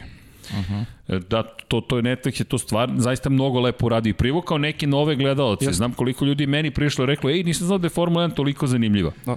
Čak i da su, na, su- napumpali su ugao, priče. a napumpali Dobro su priče. ču- Čuj, čuvena priča iz trke sa, za veliku nagradu Španije. Koji španac će biti prvi? Ko je uopšte to pratio u trci kao nešto Da. što je veoma značajno? da, Jedino da, da, idu hronološkim redom bi bilo dobro, to im svi zameraju. A dobro. E da ima pa dosta je bilo pitanje za platu. Ja te neću pitati konkretno za platu, ali koliko sam razumeo ti daješ satnicu i ti naplaćaš kao nezavisni independent contractor, Tako ili tako? tako. Nezavisni zapravo čovek koji ima, ti si čovek firma, čuveni preduzetnik, PR Da. u, u Srbiji i ti na taj način naplaćuješ zapravo, ti izdaješ račun Toru Rosu. Tako je. Ovaj, pa da, vidite, uh, Ne pitamo te za cene, mislim da je nepristojno da ne, te ja mislim, to sam ja i tvoju platu. napisao negde na mehaničar zarađuje između 50 i 80 hiljada po sezoni funti. 50 i 80 hiljada funti po sezoni bruto. Da. Da, ne zaboravimo da je to bruto, to je da. preoporezivanje. da, to je bruto. Tako da sad ima tu svega. Vidite, uh, tamo su svi dobro plaćeni, tamo znaju da te nagrade, znaju da cene. Uh, ako nema neku, kako se zove, uh, neki mehanizam da te nagradi, napisat će ti 10 sati više. Mhm. O, poenta priče Jasno. je da svako dobije Vode onoliko računa. koliko zaslužuje i niko, ni na koga ne zaborave. Lepo. Sjajno. Uh, Dejan ti pita dok si bio to Ross Williamsu, da li si napravio neku grešku za vikend koji je, koja je koštala vozača ili tim? Pa nisam, na kraju čak i ona greša koju sam napravio nije koštala tim. Uh -huh. To je lepo. Kako vidiš budućnost Formule 1 u narednom periodu za par godina? Pa ja se radujem 2022. Uh -huh. iskreno. Ba, nadam se da će to doneti neke promene. Nadam se da, da ćemo se vratiti nekom, sad opet neću da tupim o tome svemu, nadam se da ćemo malo izbeći tu taj neki populizam da ćemo se skloniti od toga da Formula 1 treba da spasi svet, jer mislim da to nije posao Formula 1, nije ga ona ni uništila, ali kako se zove, da, da ćemo izbaciti hibridne sisteme, ajde, koliko god to nerealno zvuči, ja se tome nadam. E, Inače, Nadam se, nadam se uh, da će sport kao sport biti drugačiji. Razumete me? Nadam se, Pa to se svi nadamo. da. uzbudljiviji. ja, ja pretpostavljam da i vas nervira plava zastava. Mam nervira nas mnogo toga. Pa, Pa, razumete, to su stvari koje bi mogle da promene mnogo sport. toga nas nervira. je, da se nadoveže na to pitanje, jedno pitanje je bilo da li pratiš MotoGP i, i Formulu 2, pa i Formulu 3. Pa F2 sam pratio nešto malo ranije, a MotoGP ne pratim već dugo. A što je ova kaciga tu pored tebe? Pa je, to je sad zanimljivo. Ovaj, ne, nekad sam navijao za Rosija. Mislim, ne nekad, ovaj, kad sam pratio Rosija mi je bio najdraži. Evo, tvoj čovjek. Normalno. Normalno. Sutra, Ko, ko, MotoGP. drugi, ko drugi ti bude Ali najdraži? neće samo biti priča, moram da, da Gabro Sagmeister će nam se pridružiti. E da, to I, obavezno, I da, to- Deki Potkonjak i moja malenkost od 17.30 u sredu, jedva čeka Sagmeister tim, čovjek koji je završio Dakar 2021. nam dolazi u studio Pa završio i ga više jedva čekamo. Završio ga više puta. Da, više puta. To je čovjek čija priča treba se. Tako Da. je. I inače Boži Tatarević, čovek koji je sad na 24 časa Daytone radio kao mehaničar, menjao gume, Boži tu automobile. sledeće Boži- ozbiljno? Da, Da, Boži ali neće biti tu, neće ali biti preko Zuma. Preko Zuma ćemo ga da ga... Ja sam saznao za njega tek pre nedelju dana. A on, tako? Da, o, Mat, Mat Fera je radio podcast sa njim. Ja gledam, pa ovo je, na, ovo je naše prezime, tako šta je. je ovo? Ne, ne, tu, I ne, izgooglam ga i skontam ovo je čovjek sa samo prati. Lab 76, Boži nam Po, stiže. povez, povezat ćemo te sa. Boži, fantastično. Boži Bog. Po, povezat ćemo Može, te, Boži je sve, on, on je redovno našim prenosima Jeste. šalje poruke Stvarno. sa stavama, da, to je... Legenda. Tip. Imamo Već to, je to legenda. nam je... To, Pa, to, imamo čoveka na stazi. Ali Da, znaš da, kako da. smo ga upoznali? Preko zajednice. Hashtag SKF1, SK MotoGP, SK NASCAR. Ne sjećam se više ko nam je tweetao, zapratite Marko. Evo dobacuje Don Pablo. Marko Nikolić. Hvala Marko ako Da. pratiš. Ako ne pratiš, zašto ne pratiš? Šala na stranu. Ali Božije smo tako upoznali. Božije je pristao, bit će preko Zuma prisutan. Imaćemo i Željka Staničića sledeće nedelje, s obzirom na činjenicu da je Željko nosio Žeks 69, broj 69, podcast podsvećen, Nikiju Hejdenu. Tako da ćemo sledeće nedelje imati prvo broj 70, pa onda broj 69. Mi ovde imamo tu, kod nas je sve dozvoljeno. Dejan nam predlaže ovaj Rimca za gosta. Probat ćemo. To, to bi bilo a, zanimljivo. da. A on inače, inače te pita šta misliš o Claire i Franku Williamsu. Pa šta mislim? O, mislim da, da Claire je jako dobra žena, imao sam prilike da je upoznam i ona je stvarno prema, prema ljudima u firmi je bila fantastična. O, odnos koji oni imaju prema ljudima je neverovatan, ča, čak i, i, i Frank koji i sad i teško se kreće i teško težak mu je život takav kakav je, on nađe Jeste. ljubaznosti za sve, sve oko sebe. A sad, da li ih je Formula 1 ih ostavila na nekoj usputnoj stanici, mislim da jeste. Pa možda nisu uhvatili ni sami, Pa je, nisu da, shvatili ima i da je voz ima i toga, se da. promenio možda. Da, da, ima i toga. Možda su, da su uhvatili možda pogrešan voz. Nažalost, tako ali ja se iskreno nadam da sad o, o- da. ovaj uh, ova firma koja je preuzela Williams da neće menjati ime i da će zadržati Pa neće, nešto da. tog nasleđa, da, da, neće, da nećemo otići u neki racing point i onda to sve nestane. Pa za sad oni su se izjasnili da neće sad. Da. Šta će, šta će nam doneti? Ali mislim da bi za to bilo dobro da naprave neku saradnju, evo kao sada sa Batonom, da naprave saradnju i recimo sa Claire, da, da ostane porodica u tome, na ovaj ili onaj način. E, izvini, još jedno pitanje. E, Šta misliš o DRS-u? Da, to je dosta ponovljenih Da, puta pitanje. mnogo, mnogo DRS. pitanja, da. Pa me, mnogima je smetao, meni nije nešto puno smetao. Ni DRS, ni KERS. Uh -huh. Meni su čak naprotiv bili zanimljivi sistemi. Neko je našao neko rešenje da, da donese više energije. Ali sad, da li je to onda veštačko trkanje? Pa, mislim, možemo filozofirati o tome, ali šta onda bi bilo, ne bi bilo veštačko samo kad bi trčali svojim nogama. ok, Pa nije loš, ako ćemo ići u, stav. u neku krajnost, razumete me? Da, ima, ima pitanje za tebe. Da li je istina da teorija da se bolidi vozača razlikuju jedan od drugog u performansama, ako nije tajna? Pa, mislim da je istina. Ok. Ali mislim da nije do, do tima, mislim da je do mnogo do vozača. Mnogo je tu individualnih stvari. Ali uh, mislim da je pitanje baš da li je bolid pravljen da bude boljih performansi za jednog u odnosu na drugog. Pa ne, nije pravljen, ali recimo neko će dobiti ranije neke delove i Ok. tako. Ali vidite, postavke bolida mogu da naprave da Red Bull izgleda kao, jedan auto da izgleda kao Williams, a drugi da izgleda kao Mercedes. Ok. U istoj garaži. Koliko se tu vozač pita? Sve. Ok, dakle na njemu je da podesi svoj Na, voza, bolid. na vozaču je. Ok. Ok. Evo dobili smo care, pozdrav, ovakve goste češće da zovete. S obzirom na činjenicu da je jedini Balkanac, dakle, s balkanskog poluostra za koga mi znamo da radi u Formuli 1, Saro, vrlo rado, nego nema nas, nema. Dakle, ideja jeste da mlade ljude nekako usmirimo ka tome, pa onda da se da to bude samo da mi biramo koga ćemo da zovemo. Ima, ima poruka koje dobijam najbolji gost ikada i slično, da Pa, znaš, imaš, hvala svima. imaš Hvala veliki svima. pozdrav.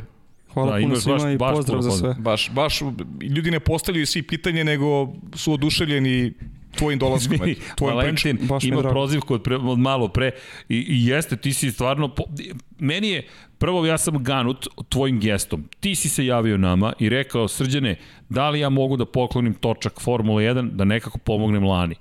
Jeste. to, samo to po sebi je suština svega onoga što mi radimo, jer sve ovo treba da bude nekako podređeno ljudima. Ljudima, da li su vam poznati, nepoznati, bliski, da pokušamo da budemo bolji nego što smo svakog sekunda praktično. Tako da mi smo ganuti bili, znam da smo ti i ja, mi nemamo generalno problem pred kamerama, ali drhtali ovde snimamo, ne znamo kako da, da snimimo, a da zvuči pristojno, da ne bude nametljivo i da da Pa da nismo to na kraju ni koristili. Da, na kraju nismo jedan snimak ni koristili, Mislim da da ne bude patetično, nego smo bili iskreni ljudi, ovo je točak, ajmo da vidimo šta možemo. Pa mislim na, na nama je da pomognemo ko, koliko Jeste. može. U tom trenutku drugačije nisam mogao, to je nešto što... Svaka čast. Eto. Ali zaista svaka čast.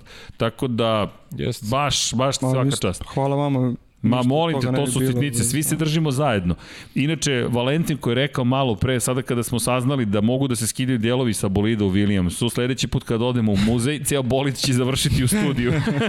Ako nas trojica odemo, nemaj ništa da, nemajte ništa da brinete, tu ćemo iza vanje da ga spakujemo. Pa ako hoćemo. nešto. U, to bi bilo lepo. da, to bi bilo lepo. Dobro, imamo. Ima još, još jedno interesantno pitanje. Slušaj, kaže, VRC sledeće godine prelazi na hibridni sistem. Ford teško će biti sledeće godine. Hyundai sebe ne vidi u VRC sa hibridnim sistemom, ostaje samo Toyota. Da li misli da je taj skupi hibridni sistem uništio mnoge šampionate uh, Formula 1, Enduro, VRC? Jeste, slažem se s tim. Pa, sa, samo uh, vreme koje je potrebno da se to razvije, o, to onda odmah, odmah povlači trošak. Mislim da je, da je to nekako mi je to sve veštački, razumete? Neće uh, jedna, jedna trka VRC-a promeniti ceo svet. Ajde da uvedemo hibridni sistem u cestovne automobile. E, to ima smisla i mislim da je to dobra stvar. I, i električni pogon. Ali hajde da pustimo onda neki taj neki oktanski cirkus da bude oktanski. Razumete? Kao što imamo danas trke konja, ne vozi se više konjima po ulici. To je, ok, glupo poređenje, ali Izvini, ali dotakao I- si teme. pa i- Mi imamo teoriju, ma, makar je moja teorija, da će se Formula 1 ako nastavi ovako pretvoriti zapravo, zapravo u konjičke sportove. Da ćemo imati ergele rasnih trkačkih bolida koji služe ultra bogatim ljudima da uživaju. Da se ode na neku vrstu hipodroma i da više neće biti otvoren prema širokim masama. Da ćemo se da će da bi to moglo da bude put. Ne želim da to bude put, ali mi ja- tako deluje. pa vrlo Da. Ja neću da da, razmišljam tako uopšte jer ne, mislim, ne želim da vidim Mislim tako. da se ne lažemo, Formula 1 je u velikoj krizi. Koliko god to sad Liberty Media prikazala kao da ide na, na bolje, To Formula baš htio da 1 ti je i dalje u velikoj ostalog, da. Mislim, Kako se uslikava ta kriza? Ajmo da pojasnimo. Pričamo o tome da su, malo pre si rekao, zato sam i teo da te pitam, malo pre si rekao da su dobre plate, da, ali nisam siguran da, da sistemi funkcionišu tako dobro kao što su ranije funkcionisali. Da li svi mogu da se namire koji su u, u Formuli 1, što ti kažeš sa dobrim platama? Nisam baš siguran nisam da je siguran da više mogu. Evo, razgovarao sam sa, sa kolegom iz Italije, ovaj, on, on je englez koji radi u, u Fanci. Oni, na primjer, sada se muče da nabiju 40 radnih sati. Sa- Sad, pitanje je da li je razvoj malo stopiran ove godine i šta se dešava, ali očigledno da se Formula 1 muči ako se neki Toro Rosso muči, Alfa Tauri koji ima svu financijsku podršku Red Bulla, Dietricha Matešica onda treba ozbiljno da se zamislimo gde Formula 1 ide, kako se novac ras, raspodeljuje i, i šta se dešava tamo. Mhm. Mislim, daleko to, sumnjam da, da imaju problem sa novcem, ali se gleda kako da se uštedi gde, Ja se izvinjam kada spominjete novac, može jedna flagrantna promocija. Vidite ovaj dolar dole kod četa. Kliknite na dolar. Čekaj, sad sam youtuber pravi. Eto njega. da, vidi, mora neku komercijalizaciju. Neko mora da bude i Briatore u ovom studiju. Ajde, pa, pa dobro, ajde, budi danas ti Brijatore. Eto, podršku dajte Infinity a- Lighthouse-u. e, a pazi pitanje Potrošit ćemo ih, garantujemo. Prethodne ćemo, o, smo dali za, inače stalno dajemo za dobrotvorne svrhe, ali to nećemo da pričamo, ali eto, podrška i da odgovorim hoće li biti 90 yardi, hoće i bit će 99 Biće tu i. Vanja, a jeste tako? Jeste, i Lab 76 je sutra sa Gabrom Sagmajsterom, kao što smo rekli, 99 yardi najava Superbola 55. Ko će tu biti glavni? E, a slušaj ovo pitanje. Da li si upoznao Botasa i da li je stvarno Ikebana? A nisam upoznao bot. Nisi, ja? Čovjek je, vidiš da je stidljiv i fin. Nisam ga upoznao, ali neko ostane na tome. dobro. Inače Shvatio imaš poruku od Don Corleone, ne znam da li je ovo Don Corleone. namrštenje, Pa, pa, da. čitaj poruke, čitaj Da, poruke, poruke. sa Instagrama, tako je. Pa evo, čitam stvarno. I imaš pi- pitaš pitanje od Vedrana, pozdrav iz Hrvatske, pozdrav za Hrvatsku fermelnog gosta, jedno pitanje kakav to sat nosiš i da li dobijaš poklone od tima, od sponzora koji sponzorišu timove? O, ovo je Swatch koji sam dobio od tate, to je prvi sat. Eto ga sponsor broj 1. Sponsor broj jedan, da. To, to je prvi sat ovaj koji sam dobio ozbiljan i to mi je uspomena. Ovaj, a šta je pitao, da li dobijamo? da li dobijaš poklone od njihovih sponzora? Pa od sponzora ne toliko, ali dobiješ ti od tima, na primjer, svašta. Toro Rosso je to znao lepo organizovati, pa te dočeka, ne znam, kofer pun stvari. Da, i to je pitanje za memorabilije zapravo, ali ti si nama poklonio memorabiliju da je stavimo na aukciju. Ti si, kako si došao do točka Carlosa Sainca? Eto, to, to je isto nešto što je deo unutrašnjeg kruga praktično ljudi koji rade u Formuli 1. Pa to je posle ne- neke od trka, ovaj, ja sam kolegi poklonio neki komad, neki retrovizor koji je tad bio odvaljen i onda ovaj rekao dođi vamo, ajde spakuj na brzinu kako se zove ovaj točak. Tako da dobio sam na poklon od, od kolege. Sjajno. Ali mislim može to da se nabavi, nije to problem tamo. Pa dobro, ali vidi, ajmo, ajmo da budemo realni. Nije da se često baš sreću stvari koje su sa bolida Formula da. 1. Vidi, mi ovo čuvamo kao zlato. Jeste to kupljeno to- u muzeju, ali da bi stigao do grova, prvo treba da izvadiš vizu, to je proces sam po sebi. Pa onda u najmanju ruku da sedneš na avion, da ako nećeš da voziš, a sada još sa Brexitom ko zna kako bi ušlo da ne govorimo o covidu, pa onda treba da stigneš do muzeja, pa onda treba to da kupiš pa da vraćaš i tako dalje. Nije baš da toga ima tako mnogo. Tako da tvoja svakodnevnica je san za većinu nas. Da ne kažem za sve nas koji volimo automotosport. Ako ne. Da. Znaš. A znaš kako je evo, to- evo, pogledaj ovo. Šta si danas radio? Pa ništa, evo malo sam rasklapao Toro Rosso. Znaš kako to nekad gledam baš kao paralelni život. Znači sedimo ovde nekad ono, faks, posao, svi ono problemi koje u Srbiji imaš, ono, da se ne lažemo, svih imamo na hiljadu i onda nekad tako razmislim, čoveče vidi ovo pored, nekako, nikako ta dva ne mogu da preklopim, ne, nekako svaki put sebe treba da uštinem, da, Mhm. da, da povežem ta dva života, baš mi onako nekako paralelno. To mi je, ne, teško mi je za objasniti taj, taj utisak. E, inače dobijamo podršku. Hvala drugari, super sticker, E, super chat. Corleone ne znam, ne, nisam dobio poruku. Da, ne Nema znamo. Don poruke. Corleone, evo tu smo. Tu Či- piši postavit ćemo. da, pita Boki Lukić, može li Sainz da uradi nešto ove godine? Pa ja mislim da može. Ne, ne da mislim da može, nego ja ga ne bih pocenjivao da pitam da li može. Uh -huh. Mislim, ne, ne sad da ga Boki pocenjuje, nego To, Martine, gledam ti... sada taj narativ koji se dešava u medijima, kao da li Sainz može da parira uh, Leclerc. Lecleru. Čekajte, jeste videli kako Sainz vozi? Šta, šta Sainz radi? Sainz je dobar vozač. Je, I pazi, on ima pedigre. Da, ima, to ono što stalno pričamo, on dolazi iz On ima ozbiljan porodice, pedigre. Tako je, njegov otac ima ozbiljnu moć već sada. Ta, taj čovek uh, i, i, i on i njegov otac su svaki dan sa automobilima. Možete vidjeti na internetu, oni imaju ranč koji ima reli stazu u dvorištu. To je ono što je Paja pričao, To- karting sa- staza, rally sa staza, tim- šta je sledeće? Sa tim ljudima se na stazi ne, ne zna za njihove reakcije su uvek oštre. Oni, oni vežbaju. Ozbiljni su zaista. E, ko ti je omiljeni vozač u Formuli 1? Istorijski gledano, ajde da, do, da, da, da, da dodam pitanje i trenutno. Pa, trenutno mi je Fetal omiljen i sada gotivan mi je dosta Russell. Volim i Carlosa, ne, ne, sad da odaberem jednog. Dobro, ti si ljubitelj sporta. To da, ja, bih ja više sport volim. A sad ni- nisam isključiv, ja volim i kad pobedi Ferrari i radujem se kad pobedi Mercedes ako je dobra trka. A istorijski, kad sam bio klinac sam ono, ludio za Schumacherom kao i svi, a sad kad pogledam unazad, bio bi to ili Sena ili, ili kako se zove, teo sam sad, sad brzo da kažem, podsjetite me.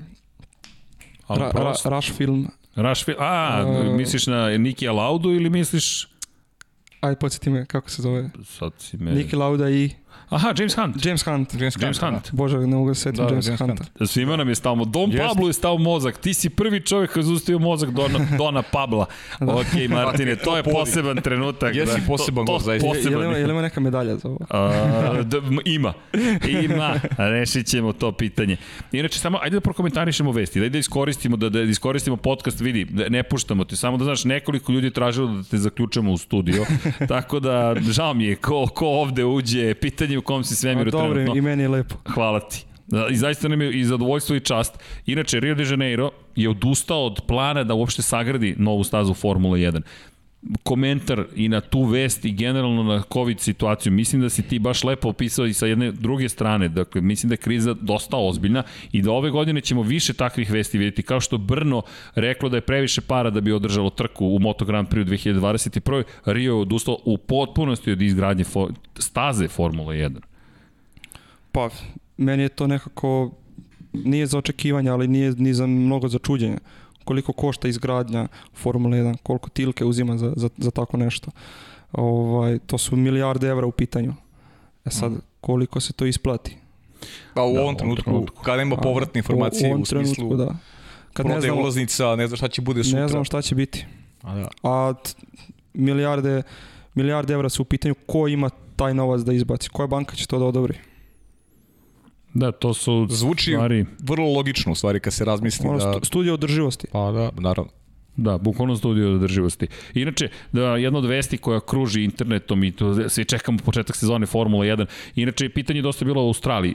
Stanje u Australiji nije dobro u kontekstu toga da nažalost se ponovo pojavljuju slučajevi sa COVID-19, ponovo se to pitanje karantina, kršenja karantina. E, Australija je pomerena na kraj sezone. Trka u Australiji je za kraj sezone pomerena. Bilo je priča i organizatora da su spremni da prihvate da u budućnosti možda budu na kraju godine. Nekada davno Australija je do 1995. godine zapravo bila poslednja trka ili jedna od poslednjih trka sezone. Ne zaboravimo, južna polu lopta, Zemlja je okrugla, to je bilo jedno od pitanja tokom SN9 lansiranja, ali južna polu lopta naše planete i imamo trenutno je kraj leta, to jest leto je u, u punom jeku. Kada počne sezona Formula 1, to je kraj leta, početak praktično jeseni, zatim naravno dolazi zima, pa proleće i Oktobar je taj period kada smo ušli u proleće, to je već kraj proleća. Tada mogu da se i novembru održavaju trke tokom našeg leta nemoguća misija. Kratki dani, hladno, vremenski uslovi su neodgovarajući, tako da Australija će biti na kraju godine. Držimo palče svima pre svega da budu zdravi, tako da to je jedno isto od velikih vesti. U, mi počinjemo u Bahreinu 28. marta za sada kako stvari stoje. Što se tiče Moto Grand Prix u Kataru, Kada je reč o Carlosu Sainzu, samo bih se na to nadovezao. Carlos je povukao je takođe jedan sjajan potez dok je testirao prvi put u karijeri Ferrarijev bolid izašao je da pozdravi sedam gledalaca koji su bili u Fioranu i to je odjeknulo ozbiljno, kako i ne bi odjeknulo.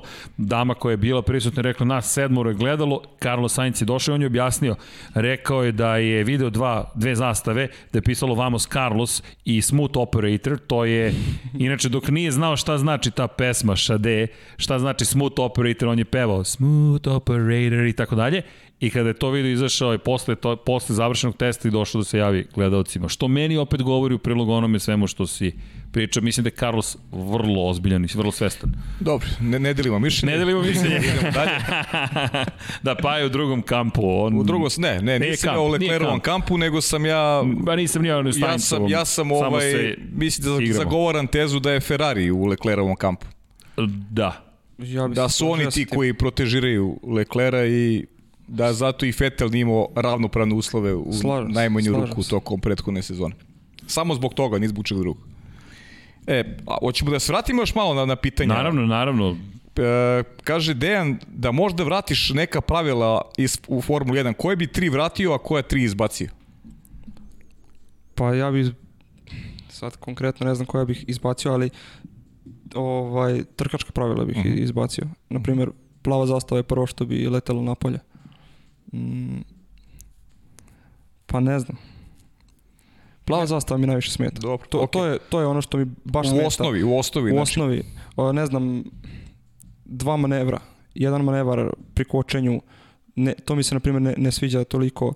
Ovaj, to, to su neke stvari koje bi vozač će napraviti koliko god manevara može. I sad, ljudi koji voze će reći da, to može da bude opasno, ali ako si ti brži od mene, ti ćeš naći način da me obiđeš, makar to bilo opasno. Ja sad opet dolazimo do pitanja da li to treba da bude opasno ili ne treba. Uh -huh, Tako da, uh, ja bih ta neka sportska pravila menjao. A šta, šta je bilo drugo? E, pa ne, bila su tri. Aha. To kao šta bi izbacio, šta bi dodao, a imaš pitanja šta misliš o, šta misliš o Ricardu, šta misliš o Robertu Kubici i da li se Toto Wolff stvarno toliko mnogo nervira kada, kada Mercedes ne pobedi trku? Da li A si imao mi- priliku da upoznaš da, mislim da nisam imao priliku da ga upoznam. Mislim da ga vole kamere i da on voli kamere. Aha. ovaj, a, Ricardo mi je super tip. Mhm. Bo- Za njega sam ono i navijao dok je bio u Red Bullu. Sviđa mi se, sviđa mi se ovo što je radio u Renaultu i zanima me kakav će biti u McLarenu. Ima neku harizmu čovjek, to, to mu ne možeš nikad oduzeti i, i dobar je na stazi, stvarno je dobar. Dokazan je pobednik. Mhm. Ovaj, a Kubica, pa Kubica ko je pratio tada zna da se čekalo samo da Kubica da li treba u Ferrari, Ferrari, da pređe. da. Mhm. To je ozbiljna voza, šta je on u onom Renaultu radio, ovaj, i ona nesreća koja mu se desila, baš ga je zadesilo. Ali i to govori o njemu, kakav je on kao ličnost. Njega je zadesila nesreća dok između dve trke ili između sezone, ne sećam se, uh, vozi reli. Mhm. To, to, to je osoba koja živi za, za taj Za sport trkanje, jeste. i za trkanje. I ideja da se vratiš posle svega i... Ideja da se vratiš posle svega i da te da budeš dobar. Mislim, ja, ja sam siguran da je više kriv auto nego što je on kriv. Pa to, to Da, nema da. dileme kad je Williams u pitanju, auto je kriv. Ali mi- mislim da bi on bio konkurentan u dobrom autu. Mislim da, da mu to ne bi bio problem. Pa vidite, on je i dan danas zbog Orlena, ajde, ali je u, u Alfa Romeo. Mhm. Vozi za njih, testira. Očigledno da taj čovjek ima šta da kaže za tim inženjerima da im da povratnu informaciju. Pa da, on je dvostruka, izvini, pobeda za Tako Alfa je. Romeo. M, sponsor koji je tako velik, koji je ogroman, govorimo o Petrohemiji iz Poljske koja je ozbiljan ozbiljna podrška Alfa Romeo. S druge strane, ne treba zaboraviti koliko je to ozbiljan tim. Alfa Romeo kao robna marka, kao deo istorije Formula 1, zatim Zauber kao Sauber, takođe deo, Sauber. deo. Zauber je preozbiljna kompanija. E, to su stvar, to su toliko ozbiljne stvari da ponekad zahvaljujući činjenicu da su na začelju u Formuli 1 zaboravljamo koliko su napredni. Jer uporediti ih s bilo čim drugim je porediti zaista nebo i zemlju. Da. I, I stoga dužno poštovanje svaki tim mora da ima. Kada se bolid pojavi na stazi, već treba da ima dužno, imamo dužno poštovanje prema tome. To je, to je ogroman proces samo da, da boli dođe, a i vidite, i ti koji su na, na začelju poredka, i to su ozbiljni stručnjaci u tom svetu gde Jesu. su i sad nije tu stvar do čoveka koji je tu stvar do cijelog kolektiva. Taj čovek bi se možda uklopio u neki Mercedes i Tako je. dove, napravio neku promenu koja bi znači, koja, za koju bi Toto rekao bravo čoveče. To je to. Ali to je opet organizacija, podrška, Ti malo individualci sreće. su neverovatni. Da, I to je ono što je jedno od pitanja bilo koliko individualac može da utiče na, na, na ekipu. Pa sad, vidite, može mnogo, u svakom slučaju, može mnogo. Počneš od sebe, promenit ćeš čovjeka pored sebe, uh, uticat ćeš na nekoga. Kultura. Zavisi koliko ti imaš moći, kultura, tako je. Koliko imaš moći u timu. Što više moći, mislim da možeš da promeniš više stvari u Formuli 1, tako da I izvinjam se, samo da upadnem sa još par stvari kada reč o vestima. Spomenuo sam ima Kubicu, koji je doživio jednu tešku, tež, težak incident koji uticao na njega. I Momčilu, i ne samo Momčilu, mnogi kažu, hajmo da spomenemo Juana Manuela Koreu. I onaj incident u kojem smo, nažalost, Antoana Ibera izgubili u Belgiji 2019. godine, posle godinu i koliko? šest meseci, godinu i po, 18-19 meseci, Koreja je dobio potvrdu da će voziti u Formuli 3 i ima tu još pitanja, skepse, noga još uvijek nije u dovoljno dobrom stanju, ali je neverovatno i svaka čast inspirativno kako nije odustao Koreja i kako evo na putu povratka i da kako bismo mogli za par meseci već da ga vidimo u jednom ozbiljnom svetskom takmičenju. Tako da da, to je inspirativna priča. Ispratite je. Fenomenalno je i što taj incident dobija jedan, imamo dva epiloga, jedan tragični, najtragičniji mogući i drugi koji opet pokazuje tu drugu stranu života. Jedan se nažalost ugasio, ali drugi i dalje svetli i mislim da može da bude dobar, dobar svetionik. Zato se i mi zovemo Infinity Lighthouse, imate svetionik, nama su to divni objekti, bez obzira da li je magla, dobro vreme, loše vreme, kad vidiš svetionik nekako tamo je nešto okej. Okay tamo je neka luka, to je oni svetenici koji stoje u lukama. Tako da Korejna priča je mnogo lepa. Nažalost imamo dve loše vesti. Adrian Campos. Moramo da se dotaknemo smrti Adrian Camposa. Za one koji ne znaju, Adrian Campos je čovek koji je uticao na generacije i generacije vozača i njegovi timovi u nižim kategorijama su timovi koji su pro, proistekli iz toga, rekao si, pojedinac može da promeni. Ovo je pojedinac konkretno mnogo toga promenio kao šef Campus Racinga. A izvini što te prekidam, Naravno. da li su oni trebali nekako 2010. da uđu u Formula Bilo je između jest, ostalog, tako. Kao nešto sa ovim našim Stefanovićem je bilo. To je čudna jedna priča. Kamp... To je te To je unazad. tema, ako je otvorimo, bojim se da, da, da. će biti kontroverzna tema. Da. Nažalost, pre, ili na sreću, dugo smo u ovome, to s jedne strane nije baš bila preterano ozbiljna priča, ali Campos je ozbiljan čovjek bio i, i moramo da ga spomenemo, ovo će uticati, bojim se, i na niže kategorije. Zašto? Zato što je teško ući u cipele tog čoveka. I naslediti ga tek tako, nije to pozicija, to je biće jedno ljudsko i kao što si rekao sam, U, u Formuli 1 mnogo toga se dešava, na polu projekti su u pitanju, pa neko dopunjuje taj projekat. Campos je bio projekat sam po sebi i bojim se da će njegova smrt uticati. Držim palče da će tim ipak imati strukturu koja će moći da se održi, ali, ali to, to su baš pa, loše su se već neke posljedice svega što se je dešavalo i tokom sezone u Formuli 3. Jesu. Bilo je tu yes. već nekih otkazivanja i sponzora i vozači koji su odlazili u sred sezone, tako da je veliko pitanje šta će se dešavati. Zaista vrlo, vrlo važna ekipa pa, kada če, pričamo o tim nižim kategorijama.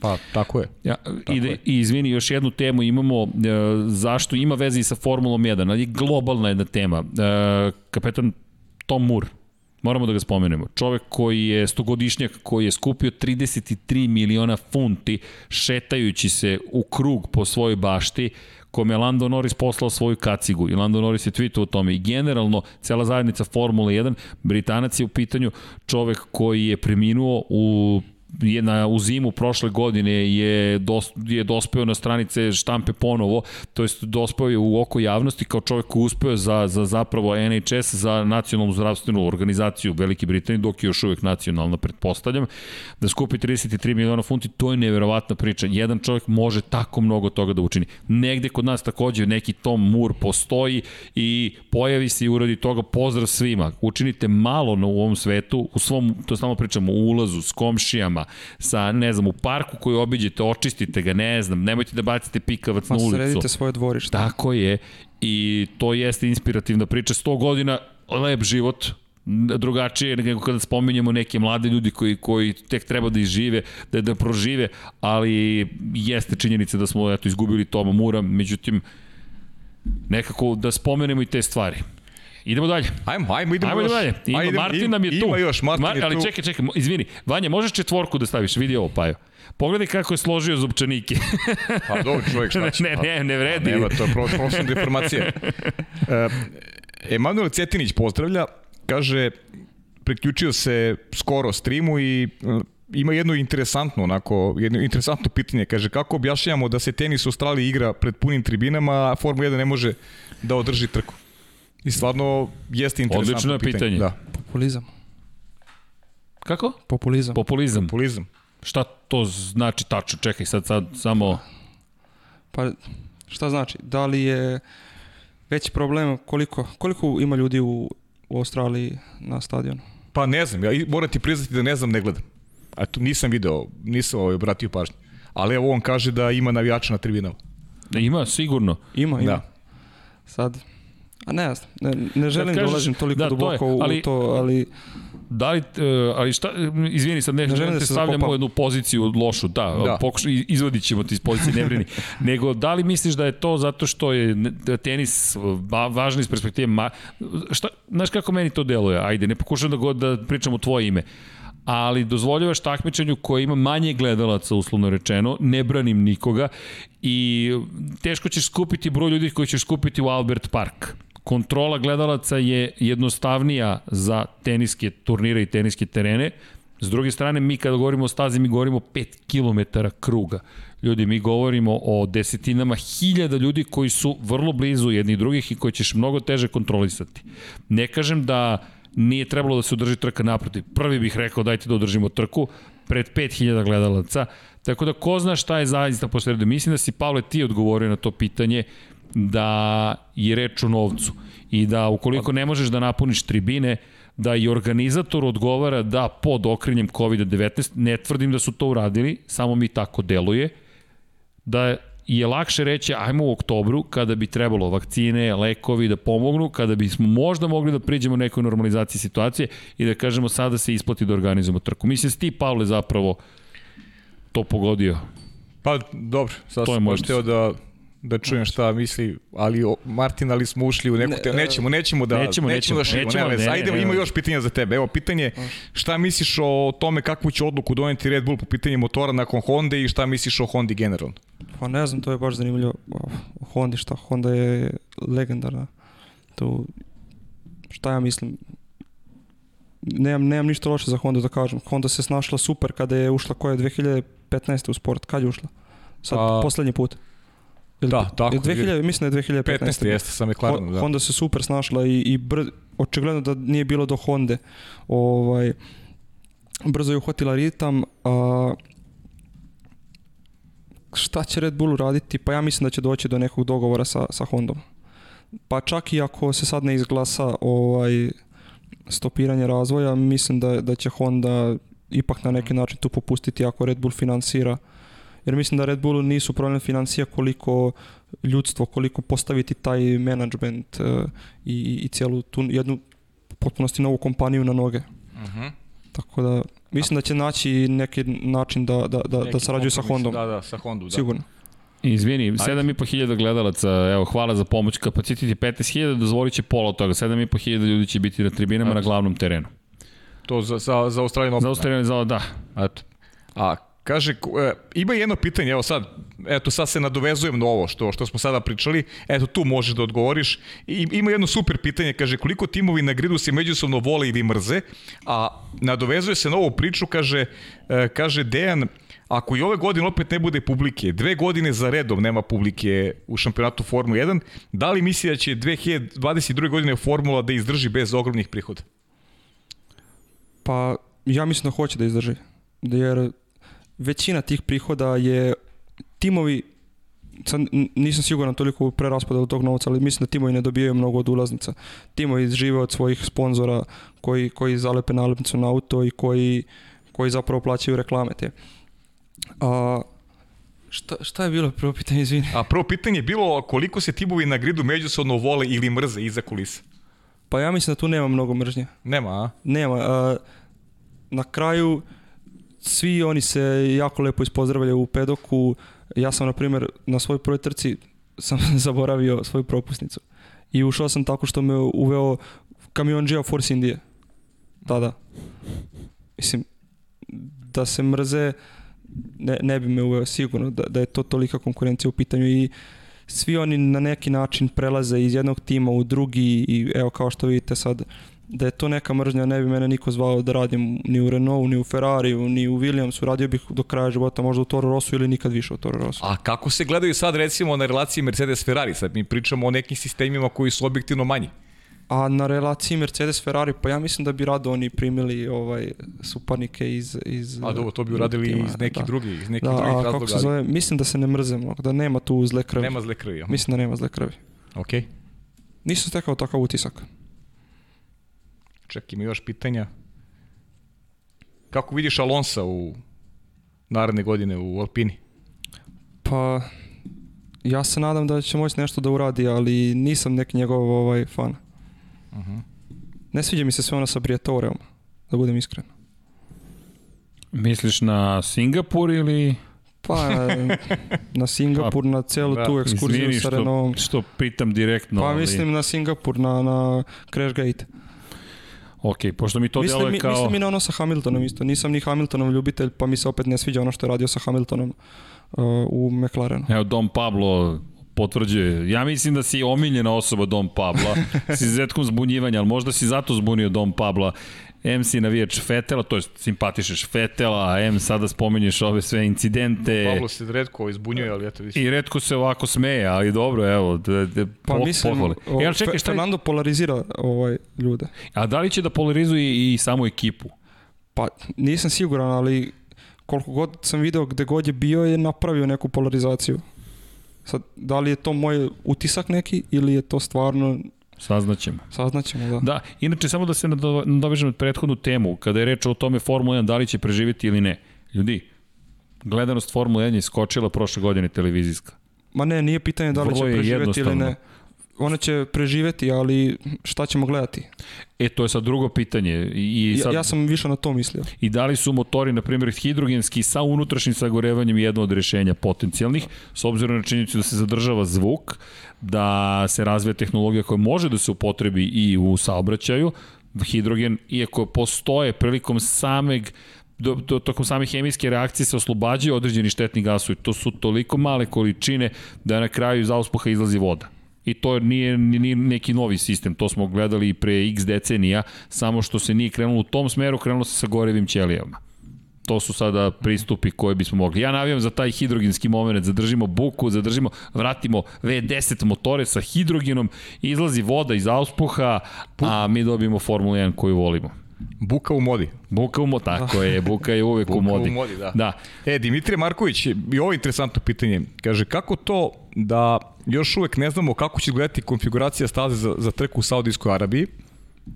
Primjer za Baku gde smo dosta ranije znali kako će izgledati trka. Evo To će biti ulična trka, je li tako? Da. Da. Pa ne, ne znam, mislim to... Pa dobro, Sa, čudno mi je što se još uvijek ne zna, ali... Aj sad, da ne, da ne ulazimo u tu priču da, da, da, da sad će naći bilo ko- koji način da se prilagodi, jel da, ta ulica, da, da samo da Pa bi se održala, mislim.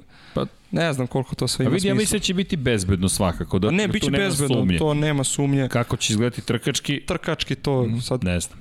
E, moramo da ispustimo Možda bude odlično. Izvijeni, Resničanin, hvala za podršku, 250 dinara, hvala Resničanine. Martine, zašto baš novinarstvo, a ne da nastaviš u pravcu onoga što si prošao, mašinstvo ili neka vrsta inženjerskog smera koji proizilazi do F1?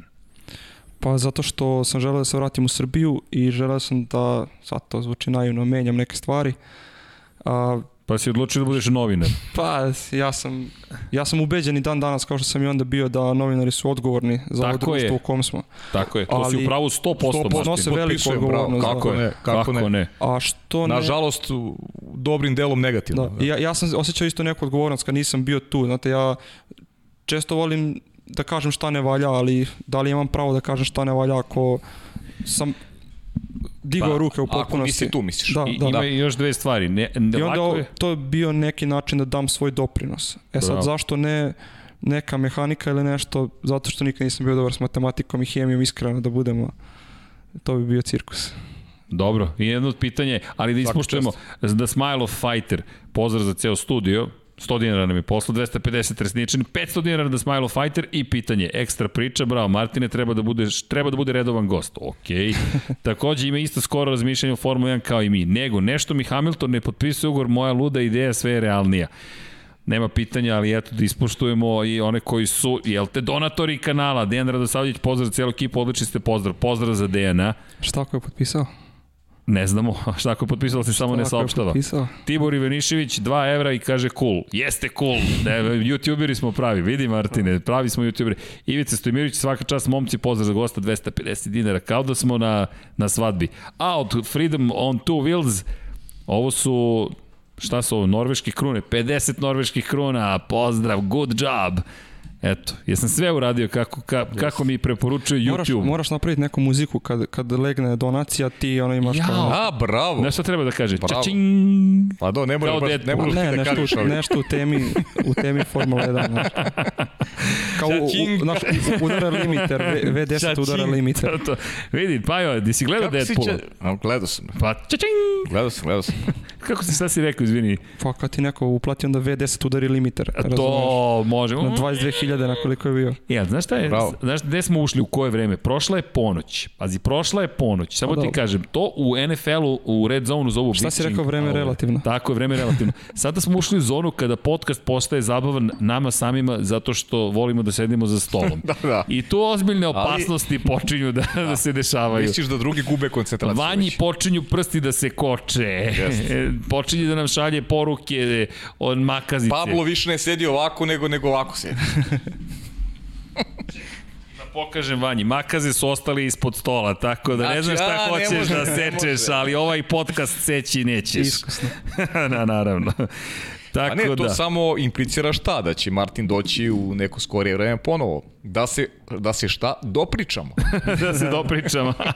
Ma može uvek. da, vidi Martine, sad nije samo pitanje dopričavanja. Pričao si o crtežima, pričao si o tehnici, pričao si o nekim stvarima koje mi takođe planiramo. Inače, pozdrav za Šejlu, pozdrav za sve, za momčila. Ljudi, nismo zaboravili ni sa ekipom o statistici, samo toliko toga smo otvorili. Stigli su nam novi trasevi, e, studio će se tek, ti vidiš iznad šta se sve nalazi. Kako ti izgleda? Pa promenilo se od kako sam prošli put bio ovde. Šta kažeš? Svaka čast. Fabrički, pa tako je to, Martine, tako je, i ofarbali smo ih čak. Dakle, šta vas čeka? Zabava opšta, ali činjenice da želimo upravo da stvorimo zajednicu.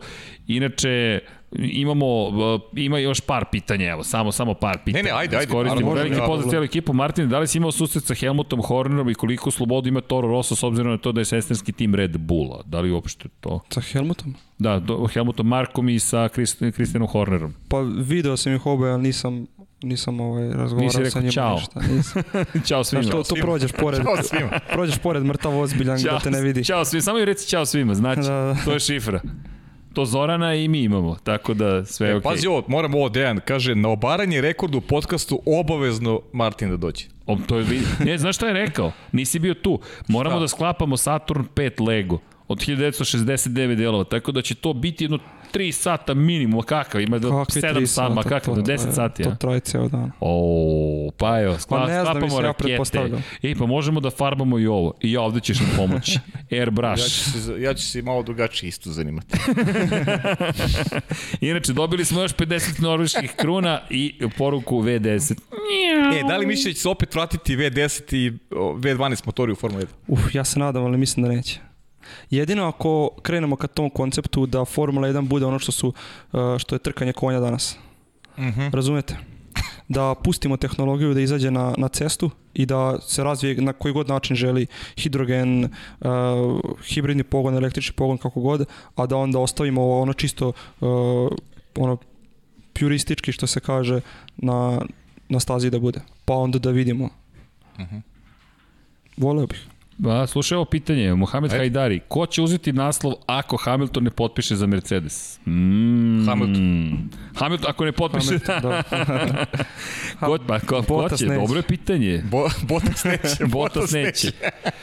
da, ali ako Bottas, hoće Russell, ali Pa, odlično je pitanje, Ali vidite, ozbiljno, ajde da ja govorimo. mislim ako Hamilton nije sad ne želim ja previše da ga naduvam, on je naduvan već, ne, ne naduvan, nego... Ne, Ne, razumeo ne. ste, razumeo ste. Razumeli smo, da, vi da, razumeli čovek, Proslavljen. da, proslavljen je i ne, ne trebamo više da ga ja hvalim, ali mislim da on radi fantastičan posao Slažem u se. Mercedesu Slažem i se. vidimo razliku između njega i prosječnog vozača. Bottas je dobar vozač, nema da se lažemo oko A, toga. naravno, pa nije Ovaj, Nema tu lošeg vozača. Mislim da ako neko drugi dođe, da možda ćemo videti neku bitku između Mercedesa i, i Red Bulla. Ali ima tu i onoga da je Mercedes, Mercedes se stiša kad treba pojača kad, kad zafali. Ma, mer, da, Okej. znaju što radi. Inače, Valentin pita šta misliš, Srki, da se u F1 održi nešto kao Classic Race utrka sa legendarnim bolidima? To ne održava već, ja mislim. Pa upravo to, šaljem vam link Valentine ovog sekunda. Imaćete koliko da od 23. do 25. maja 2021 trku, klasična trka u Monaku. Link Da. smo upravo ubacili, Vanja, oto sam chat, ubacio sam upravo link, tako da znate, možete to da pratite na ulicama Monaka, bit će i trke. Inače, Bili Piton kaže, Crki čuva i do ove donacije, pa ako ove godine opet ne bude publike, a Liberty Media reši da proda, da kupimo to, pa da menjamo stvari. Bili, dogovoreno. Može i neka donacija bila. Da. 100 dinara, ništa drugo. Šalim se, šalim se, sve je okej. Ali, ono što je tu sada bitno napomenuti, kada je reč o donacijama, samo da znate, mi nismo se šalili za tim Moto3, neke nove vesti su se desile umeđu vremenu, lude ideje se rađaju i sklapaju, ali ćete saznati u Lab 76 broj 68 kada budemo pričali o Moto Grand Prix. Znaš da spremamo i to? Pojma nemam. community tim. Hoćemo da skupimo zajednicu, da budžetiramo odatle tim u svetskom šampionatu u Moto3 klasi. To je bilo zanimljivo. Tako je. I ne zavisimo od velikog sponzora, ne, ne, ne zavisimo od naftne industrije ili nekog trećeg, petog, osmog, desetog. Želimo njihovu podršku i njihov novac da potrošimo, naravno, ali ako se mi svi skupimo nas 10, 15, 20 hiljada i kažemo ok, evo nešto novca, 10 evra, tu već imamo 200 hiljada evra, Pa jeste videli šta je crowdfunding uradio na ovoj berzi? ali o- Ovih ta, dana. tako je, prat, pa svi pratimo, ali imamo slede, sledeći nivo igre, ovo nije crowdfunding, ne, ne, ovde si deo, ti dobiješ da si ti, Ne, je da, jasno, samo kažem koja je moć. to, ali Green Bay Packers model, ti si suvlasnik ekipe. Jasno, jasno. To je ideja. Ali dobro. Pa je se učutao, to ne, to ne sluti. I da li si se nekad seo u bolid, izvini? E, da. Jes, jes. I? Sedao sam više puta u bolidu. Uf, neudobno, neudobno, teško je ući baš. Ali vidite, kad sednete u to, imaš, nemaš osjećaj da sediš u nečemu, ti si deo toga. Jako je teško ući, pošto ima taj ugao neki gde treba da, da podigneš noge i teško je to malo za kolena ako nisi naviknut na to. Tako da, Ti si teško ušao, znači ja da ne pokušavam nikako onda. pa, na, nisam ja ni toliko teško ušao koliko nisi naviknut na tu poziciju sedenja. Mislim da njemu centralni trap pravi. vi, vi, više nego bilo šta drugo. Tako je. ovaj, dobar osjećaj sedeti u formuli. Lepo. Dobar osjećaj. E, Pogled je baš onako zanimljiv kad ti vidiš koliko on daleko gleda zapravo u daljinu. Vidiš svoje prednje točkove, ali ne znaš gde ti je krilo, ti ocenjuješ to. Ne vidiš par metara ispred krila. I kak, a kakav je, si, i je li bio Oreol postavljen u tom momentu? Jeste, jeste. I kakav je osjećaj, kakav je pogled iz perspektive Oreola i šta misliš o Oreolu? To je bilo jedno od pitanja brojnih. Pa ti, ti ga vidiš, ali kako se zove, brzo ga zanemariš. Jasno. Da, a što se tiče Aureola, pa, što se tiče tog pogleda, kao što imaš A stub na, na autu, zanemariš ga, vidiš kroz Vremenom njega. se navikneš. Da, ovaj, a ne smeta mi. Spasio je dosta života, sada već O, a šta O- ćemo o Grožanovom incidentu? ne, pff, ono, ono što se desilo je neverovatno. Fascinantno je koliko je pomoglo da taj čovjek izađe danas. Meni iskreno ne smeta. Da, inače Momčilo, izvini, konstatovao Hidrogen i Romanov uh, incident, to ne bi bilo dobro, slažem se. Ne bi. Ne, ne bi bilo Romana Grožana, ne bi bilo ničega. Tako da Hidrogen da, ima svoje probleme, slažem se. Ali dobro, dobro je zvučalo makar. Ali dobro. Inače, Ksenija Mijović, 150 dinara. Ksenija šalje Bravo. poljubce. Evo Ksenija, mm, mm, mm, poljubci sa naše strane. Tako da, hvala, ne znam šta da dalje da dodam. Ok, sad mi se već sme kompletna ekipa iza kulisa, da staćemo. I... Ja nemam više pitanja. Sad. ja imam koliko hoćeš. Dakle, Omiljeni proizvođač automobila. Martine, vidi šta da ti kažem. Ne. Ta rimac. Bravo. Ali svaka ovaj. čast. Ne, ne, sve. Ok, to, je, to, je, da, to je sasvim u redu. Porsche Alfa. Dobro. Inače, Bogdan pita šta mislite da naplaćujete razgledanje studija na kraju univerzuma. Znate šta, mi bismo rekli naplaćujemo i onda, bi onda bismo vas pustili besplatno. Nismo baš komercijalno, a mada Dom Pablo odmahuje glavom, kaže, nisam siguran.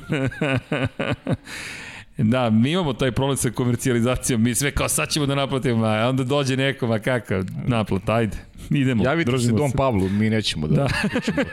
Ako vas pusti. Da, pozdrav za Bogdana, pozdrav za celu, celu ekipu. U svakom slučaju, evo kaže, uh, Igor Der, kasno je sad već srđan počeo da ljubi sve, Paju spašavaj glavu dok još možeš. Ja sam Paja, na distanci. Znači, Paja da se spašava, Martin ne. Ja sam na distanci. Da, inače, Valentin koji konstatuje, zadnji put kada je Bahrein bio od prva trka sezone, Red Bullov vozač je bio šampion. Hamilton još ne potpisuje ugovor, sve ide Maxu u korist da osvoji titulu prvaka sveta. Pa, To je ono o čemu smo malo pre razgovarali. da. Šta Da. ako? Šta ako? Da. Kada će gost biti Branislav Dević? Ok, ovo je nešto na vezu.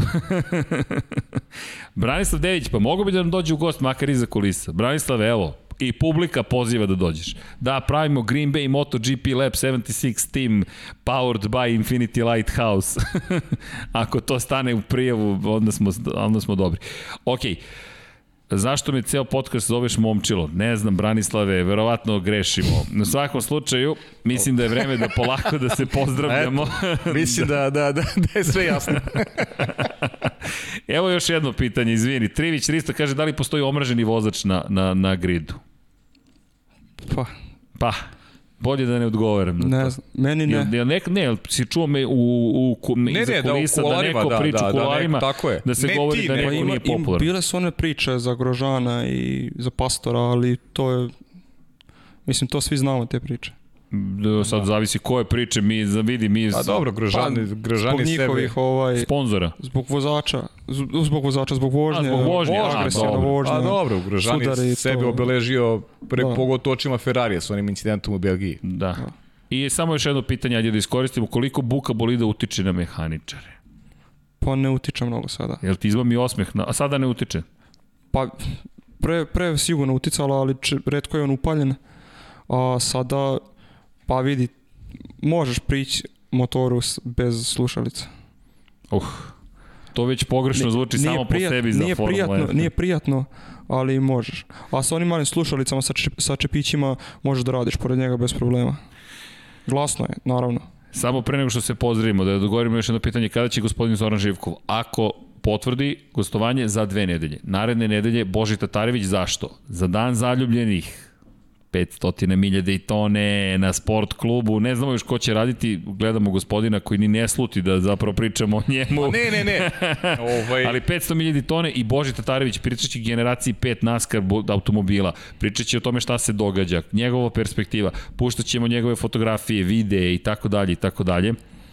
Mi će zanimljivo, za dve nedelje nadamo se gospodin Zoran Živkov, ove nedelje kada je reč o, o motorima gospodin Sagmajster, naredne nedelje gospodin Staničić, vidjet ćemo ko će nam biti za dve nedelje. Pre, pre početka sezone trudimo se da ima što više gostiju, zaista bi trebalo bude zabavno. Imamo, imamo još jednu poruku da bi mogao Martin da dođe jednom da analizira i trku kada počne sezona. Pa može to da ne. Ali ćemo da ti najavimo koja je trka da je, Da, da, da, se, da je odgledaš. Da je odgledaš. da, obavezno. da, na vreme. Pa I, sad I to zamisli na da sport klubu, Monzu. čisto da Pa znaš da. šta smo pričali. Morat ćeš, pazi, morat ćeš čak i nas da slušaš. Inače, pozdrav za demo, dobili smo tri bosanske marke, Bajo, streama i na YouTube simulacija Seto Corsu i Racing. Ali Paja još nije seo u ove, ja, ne, vozit ćemo Project Cars, Je, Paja- to jest, vozit Pa je sad na pripremama, pa je, Da. je ozbiljan tip, mora se pripremi, ne može tek tako da I se... ja se sada i, i- izvinjavam, e, pripremaš se? Naravno, pa ja se, A, uvek, okej. ja, se, ja se uvek pripremam. Pazi, pita Mirina, inače ne znam da li bih pročitao pitanje, pošto možda, možda bi pogrešno mogao pročitati. Mirina, Somo Đa, uh, pita, pa ljudi, pitajte Martina kakve su ženske u pit stopu. Pazi, Mirjana pita. Mirjana pita, A mi to mi nismo to pitali nismo pitali, Da li tako smeš da da... kažeš? Ali ovo je, ovo je insajdersko E, pitanje. pa, poruka, poruka za verenicu. Za, za, za, Za verenicu, ne, za puši A, uši. ali znaš šta je najgore? Ovo je tetka. Pozdrav za tetku. Po- tako? Jel Šta ja tetka iz sada Kanade kažem? ili kako? ok, pozdrav za tetku. Pozdrav za tetku. Dobro. I šta ti kaže Martine? Mnogo nam je drago. Sada ako nastavimo, zaglavit ćeš ovde do 6 ujutro. Dakle, najmanje.